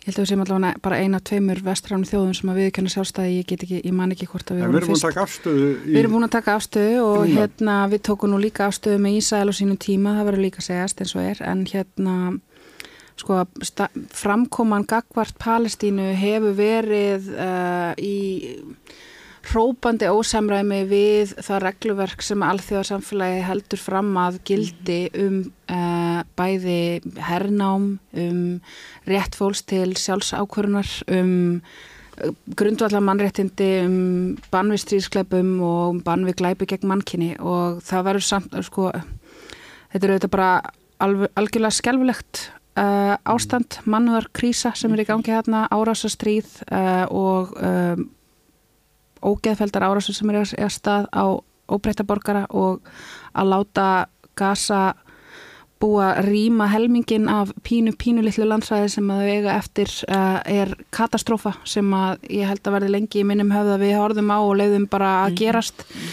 en sko það, það sem að er líka verið að skoða fyrir til dæmis alþjóða sko, stríðsklapadómstólnum ICC, það er hvort að Ísæðalsríki hafi gert seg um að vera aðskilnaðaríki og um að stunda ofsóknir gagvart palestinumönnum þannig að þó að auðvitað mjög seint sé og Já. þetta sé allt og lítið að þá er vissulega uh, slík máraferðli í gangi. Um, en Það breyti því ekki að tvískinnungurinn gagvart Palestínu, það að alþjóða lög verist ekki gilda um rétt þeirra til þess að búa á sínum heimilum án þess að vera offsótt, mm -hmm. hefur aldrei verið framfyllt með einhverjum samgjötnum mm -hmm. eða fullnægandi hætti og uh, það er að mínu mati það sorglegasta við þessa, þessa skipan sem við hefum búið til í kringum bannvistrísklefum, alla genfarsáttmálana, allt þetta að við vanvirðum það með því að láta eins og það gildi bara um suma og ekki aðra. Og þetta svo sem auðvitað líka við um Afganistan og Írak og, og fleiri átök þar sem að henni valda miklu koma sér hjá því að taka ábyrði með ímsum klækjum sko og hérna með bara valda bröldi sem að kemur í vekk fyrir að þau þurfa að taka einstaklingsbundna ábyrð á sínum stríðsklæpum vegna þess að til þess er þetta gert til þess að fólk sem að fremur stríðsklæp og klæpi gegn mannkinni sé einstaklingsbundið ábyrð að lögum og eigi að taka út refsingu fyrir að fremja stríðsklæp og klæpi gegn mannkinni en það er allavega verða að skoða þetta með klæpi gegn mannkinni gagvart Ísrael en það er auðvitað ekki í samhengi við þetta sem er í gangi á gasa núna og ég ætla að vera á þessum mótmálum og ég ætla að fordama þessar árásir vegna þess að hóprefsingir sem er í gangi uh, sprengjurnar á óbreytta borgara uh, sprengjurnar á spítala og skóla og uh, líka á þá staði sem að Ísraelsmenn sögðu fólki að flýja eru óforsvaranlega sama þótt að auðvitað hafi árásins Hamas á óbreytta borgara líka verið stríðskleppur samkvæmt þessum sömu alþjóðalögum sem ég er að tala um.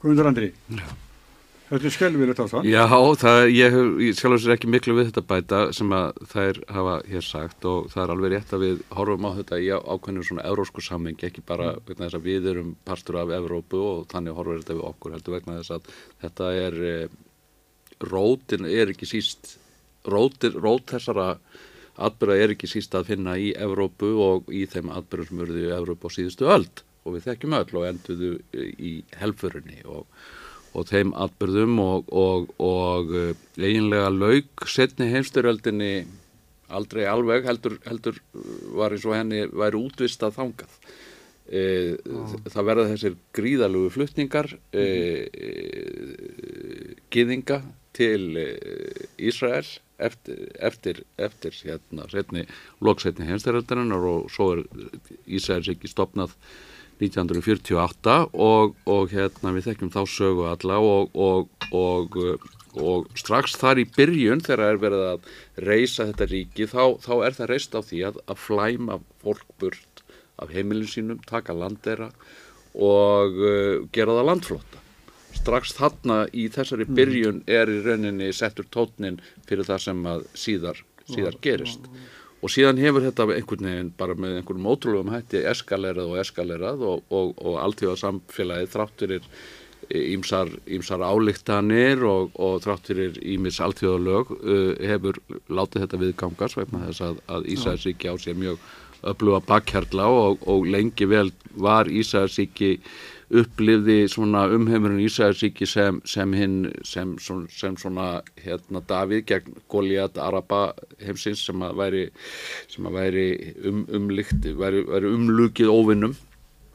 E, en svo tíði náttúrulega löngulegðin og, og nú er svo komið að, að hérna, þetta litla þrautpínda samfélag þarna á Gaza og einhverju leita á Vestubakkanum líka Þa, það, er, það er búið að, að hérna pína fólkið og, og kúa og þrælka svo mjög að e, þetta verður eins og þessar árásir frá Gaza og þessar gíslatökur og, og þetta framferði þeir, þeirra sem ráða á Gaza þeir eru greinlega á valdi einhvers konar svona dauða kultúrs. Uh, þetta verður svona eins og massíf sjálfsmárs uh, aðgerð nánast, af því að það er verið að kalla yfir reyði Ísraels og það er verið að kalla yfir það sem við vitum öll að er að fara að gerast. Það er Ísrael og Bandaríkin og Evropasambandi sem eru valdið döðakultúrs. Það eru allir á valdið döðakultúrs. Já, sko, fólk sem, sem, er actually inn í sko morðbúðum Veist, það er ekki fyrir okkur að vera eitthvað að horfa og þau að segja eitthvað, ertu að valdi dauða kultúrst ekki við sjálf sem erum það er ekki verið að mörkur okkur lífi, það er ekki verið að drepa okkur við erum samt mest af öllum í öllum heiminum á valdi dauða kultúrs. Við trúum ekki á neitt annað en bara loftarásir, sprengjur um, hvítfosfór láti rigna á fólk. Já, endalust, endalust við erum stærsti og trilltasti dauða kultúr bara, ég veit ekki hvað lengi. Allavega síðan að setja heimsturöldinni laug og kannski á endanum, það fyrir eftir, ég sá hann eftir að komast á neðustöðu, kannski á endanum verður dómurinn um okkur að við höfum verið langstæsti döðakultur mannkinsögunar þannig að ekki bara erum við að drepa lífriki í kringum okkur með hérna sérstaklega uh, framúrstefnulegum og frumlegum árangusríkum aðferðum heldur erum við um, árum og áratugum saman að senda peninga og vopn til þess að tryggja þessi hægt að mörka lífið úr brúnu fólki, svörtu fólki, muslimum og þeim sem við höfum dæmt sem óæðri um, hvar sem að það fólk er að finna. Dauðakultúr, já, ég er sammála, við erum, erum æðiskengin dauðakultúr, það er bara fínt að nota það nafnum, við skulum þá nota það um þá sem að sannlega hafa unni sér um, þann titil inn með gjörðum sínum eða gjörðarleysi. Og mér langar líka vegna þess að já, það er auðvitað rétt sem að þú varst að segja að auðvitað þurfum við að horfa langt, langt, langt aftur í söguna um, til í þeim minnsta 1900 48 og við þurfum að vita allt sem hefur gerst þá endanum farða líka að verða pingu þreytand að þurfa einhvern veginn alltaf að vera að spóla í sömu sögulegu hjólförunum til þess að reyna í veikri von að fá þá sem að fara með völd til þess að hlusta og skilja. En við skulum muna og það er mjög mikilvægt að við setjum það sem að nú er að gerast í samhengi við stríði gegn hriðverkum, í samhengi við það sem að gerst hefur í bandaríkjunum frá því að týpraturnarnir fjallu geðveikinni sem að þá tók við störluninni og því hryllingsástandi sem að left hefur verið að grassera í, um, í undir þeirri retorík að það sé einhvern veginn verið að hamla hriðjuverkum hér og þar þær aðgerðir, stríði gegn hriðverkum, bandaríkin og svo þáttaka auðvitað Ísrael og, og, og samkrull þessara, þessara landa og þessara hagsmuna og svo auðvitað með diggilegum stuðningi alltaf þegar þarf um, Evrópuríkjana hefur einmitt skapað stærsta hriðjuverka brall sem hægt er að hugsa sér sem að hefur núna döfnið yfir muslimskum þjóðum og muslimum konstantli síðan um, við upp af þessara nýju og hræðilegu aldar. Það er núna glæpurinn sem við erum inni já það hafa margir glæpir verið framtir áður en það er núna eitt stór continuous glæpur sem við erum inni núna. Mm. Þetta er það klassiska, nú er bara tímin okkar runinlanda og við ætlum að þakka Solveig Anna Guðmundur Andri Takk. og Stjú, er ég búin að mei? Nei, þó er þetta svona og Smárið, þú ætlar að kvæða okkur út eða ekki? Já, ég ætlaði bara að, að tilkynna að hérna verður örstuð hlýja, svo hérna mætu við bræður aftur og, og ræðum saman og svo er pistill eins og vanalega í þáttinum og svo hérna í lokin að þá koma mótmælendur og, og rifja upp gömul mótmæli. Þetta er framöndan í þættinum sinni reils.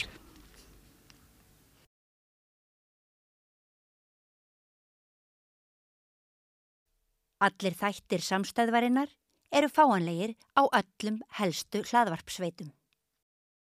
Segðu það á samstöðinni. Hvernig getur við réttlætt að sívaksandi hópur eblingarfólks festist á legumarkaði? Ebling stettarfélag. Með því að ganga í leyendasamtökin stiður þú bara áttu leyenda. Leyendasamtökin eru fyrir alla þá sem vilja berjast fyrir réttlátu húsnæðiskerfi.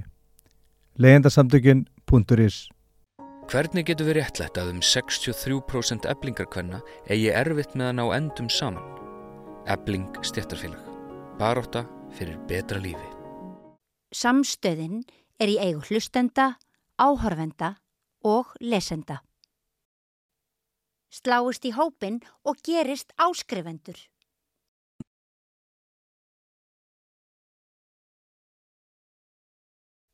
Allir þættir samstæðvarinnar eru fáanlegir á öllum helstu hlaðvarpsveitum. Segðu það á samstöðinni. Hvernig getur við réttlætt að sívaksandi hópur eblingarfólks festist á legumarkaði? Ebling stjættarfélag. Með því að ganga í leyendasamtökin stiður þú bara áttu leyenda. Leyendasamtökin eru fyrir alla þá sem vilja berjast fyrir réttlátu húsnæðiskerfi. leyendasamtökin.is Hvernig getur við réttlætt að um 63% eblingarkvenna eigi erfitt með að ná endum saman? Ebling stjættarfélag. Baróta fyrir betra lífi. Samstöðin er í eigu hlustenda, áhorfenda og lesenda. Sláist í hópin og gerist áskrifendur. Hvernig getur við réttlætt að helmingur eblingakvenna býr við slæma andlega heilsu? Ebling stjættarfélag. Baróta fyrir betra lífi.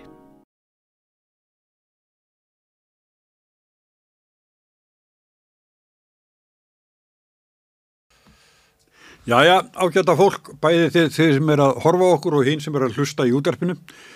Nú er komið að vikulegu pólitísku spjalli Sona Egil's. Já, hvað?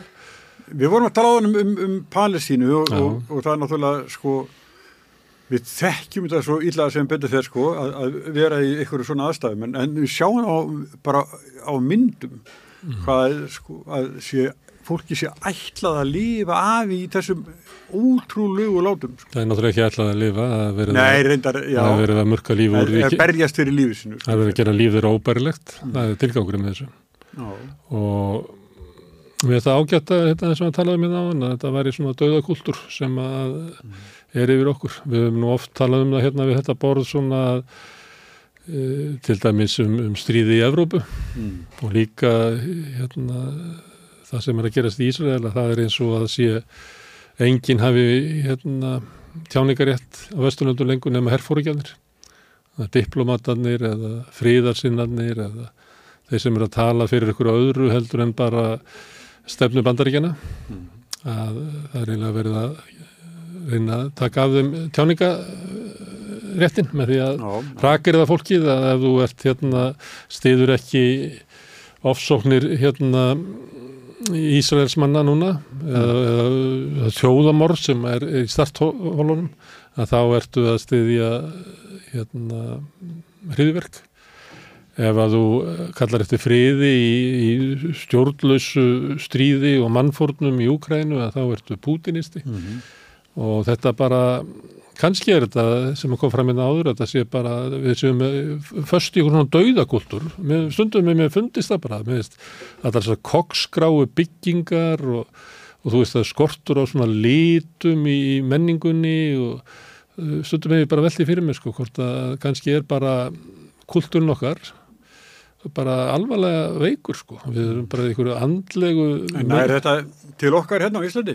Já, mér finnst það Er þetta þá bara, hvað eins og Solveig Anna var að segja það með, með fólkið í eblingu, sem er, þetta er bara er stríðgækt í og, og lífskjörn þess og lífsmöguleikum. bara ótrúlegt, ótrúlegt þól, gagvart grimd, þetta er líka við flótta fólk, maður sér það hérna, að vera í ríkið hérna okkar, er að henda fólki út á sko kalda gangstéttina.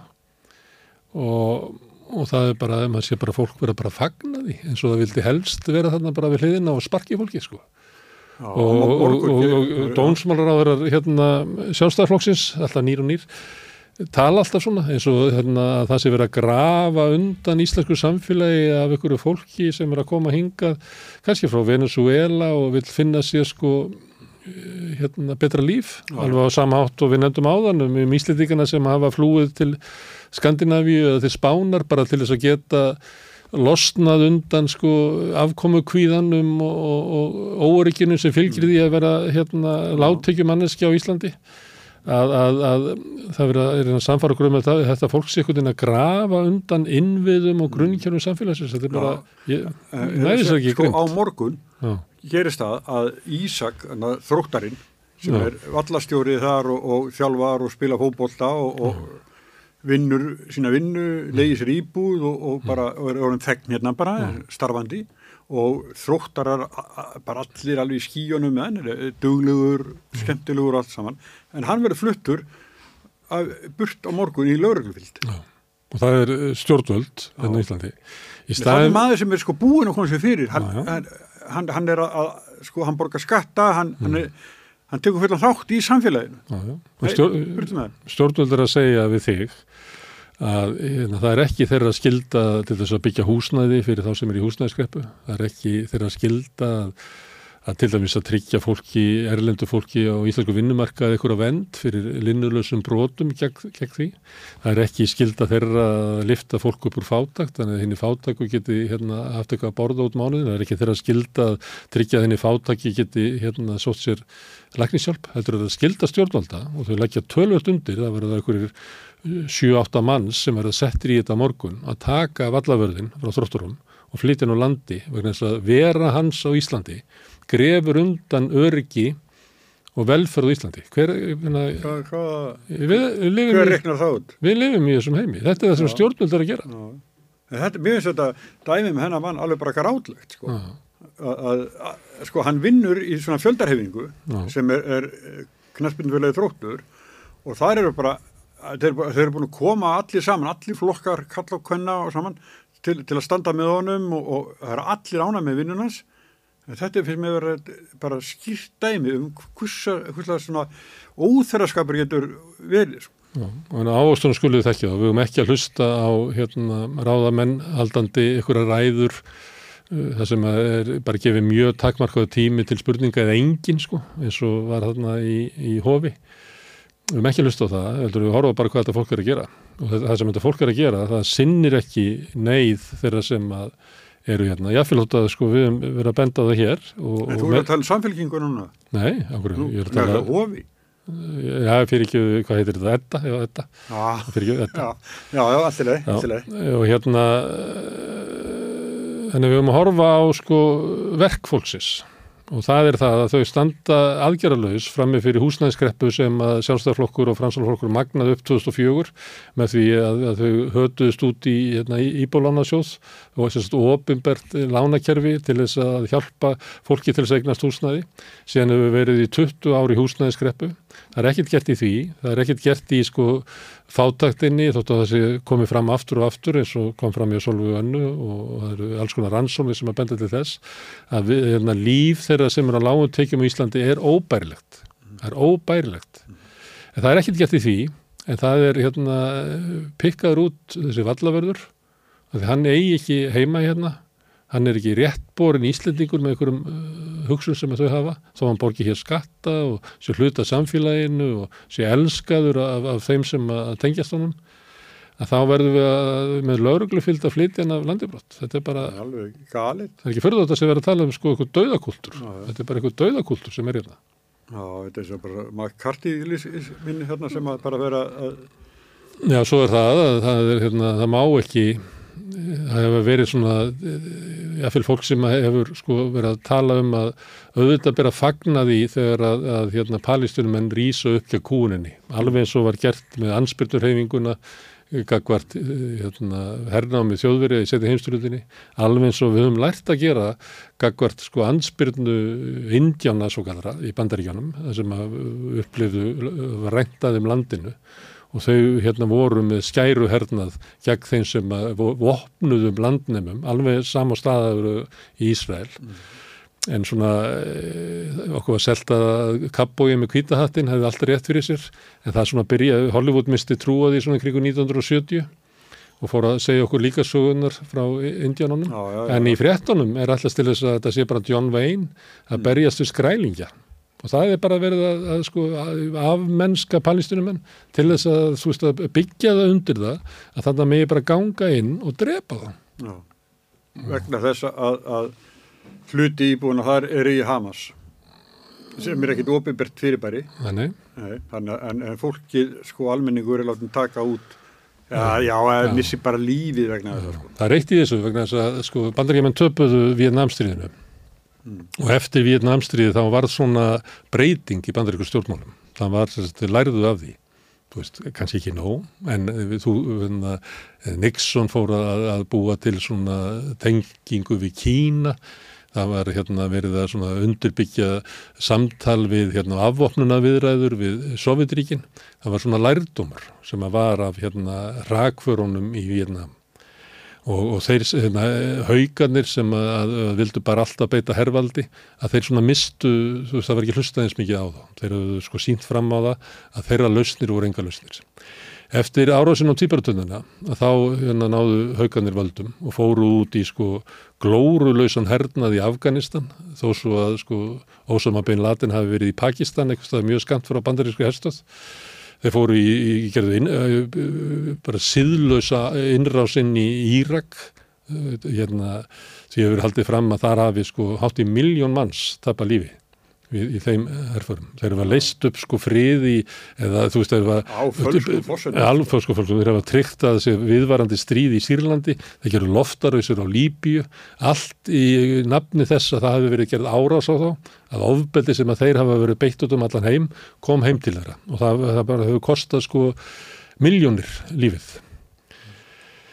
Uh, þrátt fyrir þetta að það sé augljóst að þetta var allt saman byggt á sko blekkingum og líi og hafið engan tilgang eins og sést bara í ástandin í þessu löndum sem að þeirra hafa verið að hérna, djöblast þarna inni í bandaríkjaherra að þá hefur ekkert uppgjör orðið í bandaríkjunum. Að sama fólkið sem er ennþá við völd eða þú veist hugmyndastefnan er já, ríkjandi sem að ræður hérna, viðbröðum þeirra við Úkrænistríðinu það sem að er bara má ekki tala um að reyna að stoppa stríðið heldur eitthvað svona uh, fáranlega hugmynd eins og var í Vietnam eins og var, bara hefur alltaf verið að bara fullnaða sigur og vígvellinu sé eina lustin allt annað sé bara tala einhverja heigulla manna sem að ekki þú veist, sem að veiða þjónkun við hérna anstæðingana og anstæðingarnir eru alltaf ykkur sko ómennsk fyrirbriði sem ætla að hrifsa af okkur allt sem er gott hjá okkur. Uh, þetta sést í Ísrael og þetta sést út um allan heim.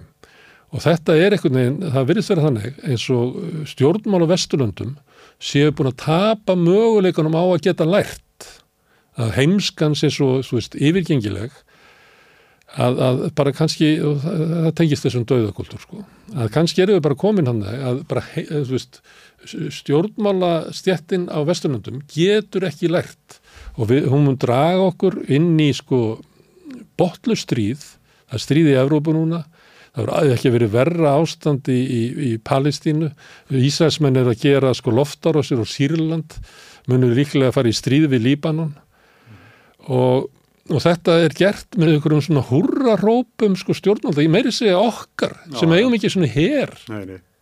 ég hef aldrei náð þessu hvernig auðarikisræður í Íslandi finnur það hjá sér að tala fyrir hernaði þegar hann er ekki svona með her og hefur enga fórna En smári, ta- að þú komin heim Já. og talar um utaríkisráðarann. Já, fyrirverandi. Já, í fyrramáli mætir Já. nýr maður í, í, er ekki búið að flytja hann í, Nei, þau ætla að skipta á liklum á morgun. já, en, en er utaríkisráðandi komið niður í landsbanka? Nei, ég held ekki, en hann endar þar sko, Já, já, í nýju mil, miljardar húsi. já, já, Það verður höllin hans Bjarnabenn. já, með útsýni yfir hafið og, Mm. Þau voru að tala hérna um áðan að það er ekki, það er ekki nóg til, segir hann í þinginu, já. en hann fann Það nýju, það er ekki endalust til, Já. en hann fann alltaf, hann var nýju miljardar til þess að kaupa sko skrifstofanda sjálfsverð. Já, já. Já, sem hann kannski ætlaði ekki upp af því að... Jú, það held að talað hann- um að myndi enda þannig sko. Já, að hann er svona þreyttur á, á hinnu. Ég held að það sé ekki þreyttur sko, ég held að hann er bara, Jó, þetta sérðu stöðuna sem við erum í með, mestu verðbólguna í Evrópum að við hæstu vextina og, honum er alveg sama sko. Það kom, ljó, það kom í ljós, nefnilega, það kom í ljós við þessi stólaskipti Já, að tilgangurinn er að selja ríkisegnir, tilgangurinn er að selja bankan, tilgangurinn er ekkert að hafa lága verðbólgu eða lága vext eða góð lífskjör, það er ekki það. Nei, ég er, tilgang- að, ég er að segja hann er á flókta frá því, hann nennir ekki að standa í þessu. Ég veit ekkert hvað það sé þreytur. Hann ég er alltaf ekki að taka þátt í þessu. Eitthvað með púlsin á Bjarnar Ben, ég bara, ég hlust á þjóðapúlsin. Þjóðapúlsin segir að þjóðin vill ekki hafa hana mann Nei, nei. og hann á að fara. Þannig að ef við værum í líðræðisríki, þá væri sko bara gengið maður undir mannshönd í sjálfstæðfloknum að komi svo manni burtu. Þannig virkar í, En hann á, á blaðamannafundinum í gær, Mm. gærmorgun, að þá hérna saði hann að það væri sem uh, stopnandi þessara ríkistjórnar myndi fara frá borði, sko. já, Ha, það er, Rökina svoru þau. rökin hans voru þau að, að formaði sjálfstæðflokksins verður að sitja í ríkistofnbúrið.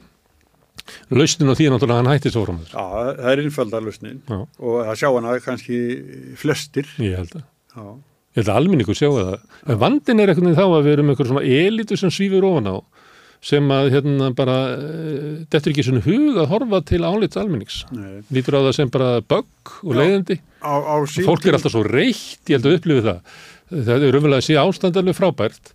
En svo er eitthvað svona fólk sem er rosalega í einhverju ójafvægi, er alltaf voðalega reitt í einhverju mótmælum. Voðalega leiðilegt fólk eitthvað. Þannig var... orðið elitin á þetta. Það var hérna í, þegar að sjálfstæðisflokkur og framsólum voru leginn saman í ríkisjórn að þá eh, hérna jók framsók fylgi sitt og, og Davíð var að sætta sig við það að Mm. hann myndi skipta við Haldur Áskrinsson Haldur var utaríkisráðara og Davíð fórsættisráðara fram í mitt kjördeðanbili eitthvað svo leið sko og svo fer Davíð þangað eða bara eitt ár eftir eitthvað leið hann, Mm. og skip, hann fór í utaríkisráðundit og skipaði þar í, á, á 11 mánuðum held ég 12 nýja sendera Já. og suma sem fengu áttu aldrei að fa- fara í, í, í sendir á þetta er bara, þetta er svona náttúrulega launum, först laun til, til ævilók og allt þetta, þetta er svona var að borga marga greiðana. En, en svo fór hann hvert? Svo hann í landsbank, nei, hérna Sæðlabankan Seðlabanka.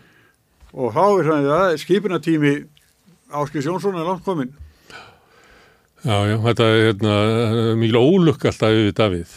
Nei, ég segi að heldur að Bjarni fær, hann er búin að fara sko, Uh, endar í utarkisránundinu svo eitthvað embætti. ég held að sé ekki að hugsa það langt sko. Nei, að- ég, ég, ég, hver veit mér er alveg saman hvað Bjarni fyrir sko. Mér finnst bara hann ekki að vera það í ríkistöðinni sko. Já, já, að mér finnst hann bara, bara, hann bara hætti vinnunni að því að þjóðum vill ekki hafa hann hana. Og svo bara, bara góða, góða lukku með að finna það nýja vinnu. Ég bara, og ég vona að hann finni bara eitthvað góða vinnu með hæfi. En hann getur ekki verið í hérna opiðberu starfi að sinna almannahagsmunum þegar að, að hérna 80% af þjóðin er búin að átta sig á því hann er ekki að sinna almannahagsmunum heldur hann að bara sinna eiginhagsmunum og þá á hann bara hætta. já, Þannig myndi það virka í líðræðsvíki. Ég ætla að það að fara að tala um Davíð að því að Davíð óeppin. Um, ólukkan eldir hann sko að, að hann þegar fó- var hérna auðverkisráðar að fór herinn sem var eiginlega svona grundvöldur undan auðverkistefnu sjálfstæðsmanna svo fór hann í Sælabankan og rundi krónan. Og svo fór hann í Mokkan og þá rundi Mokkin þannig að, hann er, það mikil ólukka. Ég myndi aldrei ráða Davíð Oddsson í vinnu. Það, það var eða sko ekki nema að vilja bara eyða einhverju sko. Það var hérna uppákoman þegar að fór í kvítahúsið að tala við Djós Bús um, um, um hérna herinn að hann vildi ekki, Bús vildi ekki hitta Nei, jú, jú þetta er Það var setna, nei, það, það, það er þegar að herrin ákvörðin var verið að taka þá fór hérna Davíð hérna, ég held að hann að verið eitthvað í New York þar sem Bush hafi verið ferðaðist um okkur leigubíl og þau voru að reyna að búa til fund til þess að Davíð geti stoppað þetta. En Bush vildi aldrei tala við hann. Svo en- þegar hann hitt hann, þá var þetta löngu ákveð og var ekkert við þess að gera sko. Já, en Davíð sagði hennar fund. Já, hann sagði, hann að vitna að Djós Bús sagði, hann sagði að á meðan þessi kall stjórnar á Íslandi á fyrir herinn ekki. Já, já, Já. já, en svo gerist Þetta. þetta hafa svo, svo á rockin hafa hitt Djós Bús sem kallaði hann vinn sinn og við vinnir Já. og meðan þessi kall stjórnar já, fyrir herinn ekki. þetta er náttúrulega ótrúlegt ólæsi á pólitíska stöðu. Gorgir. Gorgir. En þá er þetta það sem ég funda, tilruna hans til þess að ná fundi bús er þá eftir þennan fund sem ég var að lýsa. Svo þegar hérna, bús tók ákvörðunum að láta herri fara, þá nefndi hann ekki að tala við þennan kall, en það skiptið engum máli. Vinin. Herðu, við erum eins og stóran þátt framöndan. Já, alveg hella. Já, ég ætla að hérna, núna ætlum við að fá Allathór Fandal til að messa yfir okkur, hann er með pistil dagsins. Hjöru svo vel. Kæru áhörundur, uh, ég veit ekki hvernig eitthvað líður núna vaknandi á hverjum degi á nýja Íslandi. Þökk sé Bjarnar Bendisinni, fyrirvændi fjármálarára, núverandi utdragsára og þetta langvarandi formann sjálfstæðarflóksins. Hann, uh, Bjarni, hann sæði nefnilega sér til að verja tröst á stofnunum samfélagsins og þótt hann sé ósamála niðurstöðu bósmanns og láti aldrei tækifæri frá sér fara á hans að vinnast á það er hann auðvitað að sína umbósmanni gríðarlega virðing. Já, nýja Ísland er fætt og nú þegar Bjarni hefur bara allt í einu sjálfur ákveðið að draga línu í sandinn, hingað ekki lengra og skapa þetta nýja Ísland að þá er svona hálf kjánlegt að hugsa til þess hvað stór hópur og eiginlega bara meirlutið samfélags hefur lagt mikið á sig í þeirri vonum að hér geti orðið eitthvað nýtt Ísland. Uh, hópur sem svona alla jafna hefur ekki talið bjarna sér til vinda. Að hér hafa verið kostnir stjórnmálflokkar og fórstræðara undan því uh, vegna þess lofurs að atkvæði greitt henni og hennar flokk væri atkvæði sem alls ekki færi til bjarna Það verður stopnaðir eh, nýjir fjölmiðlar, fólk hefur stopnað fjöldan allan að stjórnmálaflokkum, mætta mótmæli og reynt að skrifa nýja stjórnarskrá. Og reynt að klára að skrifa þá stjórnarskrá og gósuð þá stjórnarskrá en ekki fengið hana. En allt saman var þetta óþarfi. Hann Bjarni gatt bara á þurri ákveðið að að taka stökkið og standa með prinsipum, verja hefð góða og rétt. og hver er fórsaðan að þessar ákvörðun? Engin, ekki neitt, hann bara ákvaði þetta. Hann Bjarni er bara svo góða gaur og hann bóði til frettamannafundar 10.30 á þrjöðdæg og bara neldi í Ísland. Og upp á háti hafði sagan eiginlega bara verið skrifð kablaskil sögulegt nýtt fordæmi í stjórnmálustifðinni en samhlið þessu skrifum var umræðan líka svolítið um hvað hann væri klókur hann bjarni hvað hann væri góður í að blekja almenning, hvað þetta hefði lítlar afleðingar fyrir hann. Kæru félagar ég var beðin um að tala um spillingu og ég ætla að gera það en ég ætla að tala um hlýðarþema og ég hef ekki við bjarna hér. Ég myndi aldrei gefa þetta kynna að bjarni væri bara hlýðarþema í íslensku spillingu. Ég ætla að ræða þrjú verkverði valdsins. Snopp, sögufölsun og tvöfald siðferði snoppið veldur því að íslensk valdastið lifir ekki í sama raunveruleika á við hinn og þarf ekki að spila eftir sömu reglum og við hinn og sögufölsunin hún strókar út það sem við þó getum gert til að hafa áhrif. Án snöpsins þá dytti engu frétta eða fólki í fræðarsamfélaginu í hug að degur bað Íslands samfélags Bjarni Bendisson hafi ég skapað nýtt og betra síðferði algjörlega á eigin spýtur á nokkrar innkomu frá neinum öðrum.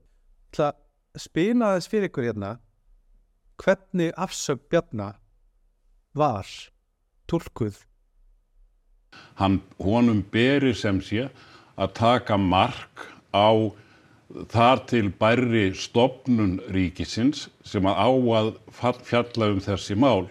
Þar með er Bjarni í rauninni að sína stopnunum íslenska stjórnkerfisins virðingu, meiri virðingu heldur en flestir aðrir ráðir hafa gert á líðveldis tímanum. Ég ætla líka að spila fyrir ykkur hlaðvarp sem heitir uh, 7 mínútur með fréttsórúf og svona á að sumur upp daginn. Ég hugsa sér ákveðum ombriðin að stjórna næstuðunar því að þú getur eitt ímyndið hvernig dagun hefði verið þegar þetta álit komið. Uh, Bjarni hefði ekki sagt neitt og svo hefði þingvöldu byrjað. Allu dagun hefði snúst um það að Bjarni Ben væri vanhæfur og hann ætlaði bara að sitja áfram. En í raunin er Bjarni með þessu bara búin að afvopna stjórna næstuðuna. Og svo er líka hérna þáttu sem heitir Lersti og þar er fjallað um bestu afsögn ásins. Já, margir hafa hrósaðunum fyrir að axla ábyrð og virða líðræðislegar stopnanir þó hann sé ósamálað þeim en aðrir tólkaði þetta bara sem snjallan pólitískan leik hjá Teflon Bjarnar sem að núna sé að setja pressu á Svandísi Svavastóttur og ætli svo bara sjálfur að verða utanríkis ráðherra. Já, það býði, það er aðeins meira. Um, þau voru bara ansi ánað með það hvernig Bjarni stóða þessari afsögn kannski besta afsögn ársins getur við, getur við sagt. Já, það er veginn svolítið svona dæmigerst fyrir Bjarni Ben sem stjórnmálumann þegar hann sé hann loksins segir af sér sem er eitthvað svona sem um, margir hafa kannski beðið um í mörg ár þá er hann líka ógeðslega góður í því. Það er kannski smá, já það er típist. Já, í hennu nýja Íslandi stjórnmálsiðferðis þá geta hennar bladrandi stjættir ekki hamið aðdáðan sinna á bjarnda en það er, má heldur alls ekki gefa því undir fótinn. Að það geti verið að almenningur á Íslandi hafi eitthvað haft með þetta að gera. Það má ekki gefa þau undir fótinn að fjármálur á þeirra fyrirvændi hafi þurft að setja á svið leikrit afsagnar og ábyrðar vegna þess að þetta að almenningur hérna í þessu landi hann hætti ekki. Ég vil að sína ykkur hérna yfirfærs að byrtist líka í kvöldfyrirtum rúf. Ég veit ekki hvort þið takki eftir hvað vantar á þessu tíma hérna. Það er ekki einu orði eitt í það að það hafi verið viku saman mótmæli. Það sem að stundum mætti þúsundir manns. Það má ekki viðkenna að almenningur á Íslandi stóð með stjórnmálusiðferðinu strax.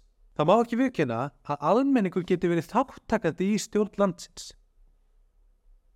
Þegar fyrst að talað um sölu bankana var bett á að engin stuðningur væri við þá stefnu að selja þessa banka eða selja Íslandsbanka það þurfti að enga veða bankakerfi upp og nýtt og það hefur engin mæling sínt fram á þennan stuðning. En það auðvitað á ekki að hlusta á það. Og það er ekki raukið sjálfum sér. Það er bara hundsat og þá fara menn að velta fyrir sér en býtu getur við þessa, getur við selt í Íslandsbanka þannig að koma ágætt lút og það stóð ekki á svöru lagaraminn hann er svo tipp-topp núna að það er ekki séns að þetta fara eins og þetta fór fyrir hrun bara allt annað umhverfi. Og takk ég eftir þessu að þetta hefur ekkert verið rifjað upp hann að daga. Núna er nefnilega lagaraminn svo mengallaður að það er bara ekki hægt að fylgja hann Í rúmlega tvö ár hefur stuðnisfólki ríkistjónarinnar og Bjarnar, sérstaklega, talað um einhverja armslengt í sölu bankana. Og í jafnlanga tíma, og jafnveg lengur, hefur verið bett á það að þetta stendur ekki í lögunum, þetta hefur ekkert með málið að gera og er tilbúningur. En snoppið er svo mikið að þeim sem langar að vera vinsalukrækjarnir og Bjarni Bindíksson er svona einhverju andlegu leiðtöði þessa hóps þó hann myndi ekki einu svona splæsa andadrætti í þau það bara tekur ekkit mark á þeim sem að hafa eitthvað gaggrinni fram að færa á stjórnandur þessa lands þetta er snopp og þetta snopp veldur því að leikregluna sem Bjarni spilar eftir eru aðrar en allir aðri spila eftir þetta snopp veldur því að jafnvel þegar hann tapar þá er það skilgrind sem sigur Jafnvel þegar hann græðir þá er það skilgrend sem ábyrg, sem góðmennska. Teflon húðin hans Bjarnar er ekkit vegna þess að Bjarni sé svo duglegur að bera hana á sig.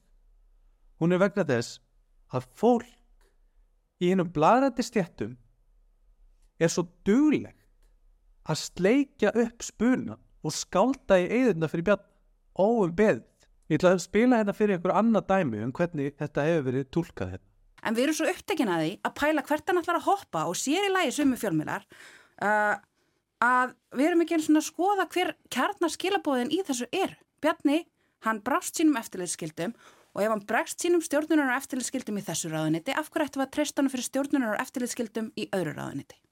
En sko var þetta ekki bara nokkuð sniðut hjá honum að taka þessa ákvörðun eins og Þórildur að benda og það svona, þetta, þetta álit umbósmanns kvarf einmitt þegar, þegar Bjarni tilgjind umræðan um þetta álit kvarveila um leið og Bjarni tilgjind um þessa afsökn. Er það sniðugt? Nei, ég meina klókt, klókt af honum að fara þessa leið. Hvernig vorum að þess að baki fyrir það? Kæru félagar, fjármálaráðara fyrirvændi var það að setja á svið leikrit. Leikrit ábyrðar og siðferðis. Vegna þess að það skiptir ekkert meira máli en að geta haldið áfram seljansbanka komaði með réttar hendur. Og það skiptir heldur ekkert meira máli en þetta verði ekki rannsaka að stöðva rannsónunum að koma í vekk fyrir það að ráðherra ábyrð þessa manns verði rannsökuð. Það er ekki heimsmynd í sýrfinni. Það er bara spilling að setja á svið svona leik. Það er spilt hegðun. Og í rótt og eitt og halvt ár hefur verið gert til að drepa málið og það hefur ekkert virk. Ríkisendurskoðun var uppalega til að tefja málið. Það virkaði ekki. FME, við verðum að býða til því það, það kom út verra en nokkuð mann grunaði. Uppbósmaður var ekki til þess að, að hérna, hemja almenning. Lofórðum að loka helli stopnun skipti engumáli og það að stjórnarliðar hafi hamast á bankastjóra Íslandsbanka þar til að hún hætti sem að hún reyndar átt að gera virkaði heldur ekki vegna þess að þau höfðust ekkit á henni vegna þess að þeim finnist einhver siðferðis, það væri svo rík siðferðiskend sem kallaði eftir afsögn. Þetta var bara hlutaði að reyna að verja bjarna, verja ríkislandsástari og geta haldið áfram að selja henn að banka sama hvað. Og þótt fréttastofan stróki allar þessar sögur út og tali í sólarringum saman, ekki um neitt nema það hvað bjarnið er snjall, þá ætla ég bara að segja að þið geti bara verið stolt að eitthvað þætti, hver sem hann var nema náttúrulega þeir sem stóðu í þeirri meiningu að allt væri tipptopp að þetta hefur nú bara verið eitt besta útbóð Íslandsögunar, jafnvel í Európ, þið eru sannlega rann. Þáttakan virkaði, en baráttinu ekki lókið. Það þarf hann svo nefnt og það þarf að stoppa áframhaldi sölu. Nú er þetta ríkistjóð hefur ekki umbútt. Það er jáða skoðun í þessu samfélagi að verða að selja þessar eignir. Og í síðu samfélagi þá vaða stjórnarflokkar ekki áfram sama hvað. Og í síðu samfélagi er það ekki að axla ábyrð að sita áfram í ríkistjórn hafa ekki einu svona eina mínundu verið ekki ráð. Og í síðu samfélagi þá geta frétta með leitt aðdáðansinni á allt. Nú er komið að næsta dagskanlið sem að er já, mótmæli sem að voru hér fyrir svona einu og halva ári síðan á Östuvelli í byrjun april 2022 sem að yfirskipti var Bjarni Burt. Og það er náttúrulega fyrir að við erum að rifja það upp því að Bjarni fór Burt reyndar ekki langt, hann fór úr Burt úr fjármálaðundinu og hér eru komið fólk sem að stóð að mótmælanum mm. það er uh, Hallfríður Þórainsdóttir Já, sæl. Birgir Þórainsson kallaður Byggi Veira, Kári Jónsson Guðmundur Hrafn já. Sæl Guðmundur Hrafn Agriðsson og Karl Hjeðin Kristjánsson. Sæl Verið veri velkomin. Sko Tilefnið er náttúrulega alveg augljóst að, að það var krafa á Östufölli þarna í, í mótmæli voru bara á laugadeinum eftir að, að listin byrtist um hverju keftu Íslandsboka, hverjum Bjarni seldi Íslandsboka og við byrjuðum á, á tildulega bara venjulegum mótmælum og svo hlóði þetta svona upp á sig. Hérna þið tóku þátt í að undirbúi þetta, skipulegja þetta reysa tjöld hita kakó stjórna fundum. kleinur. Hlýtur mannskapin músík. Þetta var voðalega skemmtilegt mm. hérna, mikið svona stemning í undirbúningnum og, og svo náttúrulega eins og þeir sem að sóttu þessi mótmælet gríðarlega vel er atbyrðis þetta líktist svona mörgu leiti oft svona hálf fólkefest en fólk var hérna komið saman með ákveðna kröfu og ákveðna málstað. Það leindi sér ekki, en það var stemningi líka þannig. En gríðarlega flottir flottir atbyrðir allt saman Flott, flottir ræðumenn sem við fengum og, og listamenn og allir og þetta, af því að það hefur ekki komið fram hérna, það er kannski ekki víst að allir átti sig á því að þetta var ekki einn viðbörður eða einn mótmæli heldur held þetta ánfram í margar, margar vikur. Við vorum alltaf frá því í byrjun april minnum við alveg fram undir mælók Já, fram undir mælók hverjum einasta lögadegi og það, það sótti þetta alveg gífilegu fjöldi fólks. Já. og sömur voru mjög hérna voru fastir, komu altså fastir hérna gestir, gestir já, einmitt, byggjastjórnaði músikinu og það var stórkoslegt því að það var alveg rosalega mikil, mikil svona kraftur og stemming í, í fólkinu. Já. og ég heyrði mitt út undan mér sko fólk sem hafi ekki komist já mikið leilt hafi ekki komist þarna nýr þegar ég sá að við erum svo sannarlega stiðjum þetta og bara bjarnaburt og En Bjarni var kjurt, var með kjurt. Já. Ekki lengur. Ekki lengur. En neina, byttu, byttu, byttu, byttu, byttu, neina, stopp, sko, sko, málega er það, þetta þarf að, þú veist, þetta þarf alltaf að skoðast þannig að, sko, þessi baráta er ekki, er ekki bara einhver short-term pæling, skilur. Við náðum langtíma markunum að fá hann burt og nú er hann að hunskast úr þessu embæti með skottaf með til lappana, það lítur alltaf vel út í sjónvarpinu og svona, en, en þetta er samt mikið áfall fyrir hann og þessi mótmæli voru sannlega hluti af því að gera sko reyði almenning sínilega, ég búist Íslandingar mjög lélega að mæta mótmæli. En, en við gerðum þetta sínilegt bara með frekar bara glæsilum hætti, maður heyrða fólki sem var ekki að koma svona, það voru, að, fólk er ánægt með það að við höfum verið að mótmæla fyrir þeirra hönd líka, það var náttúrulega gífurlega mikil óanæg með þetta 80% voru, þjóðarinn voru brálaðir yfir þessu.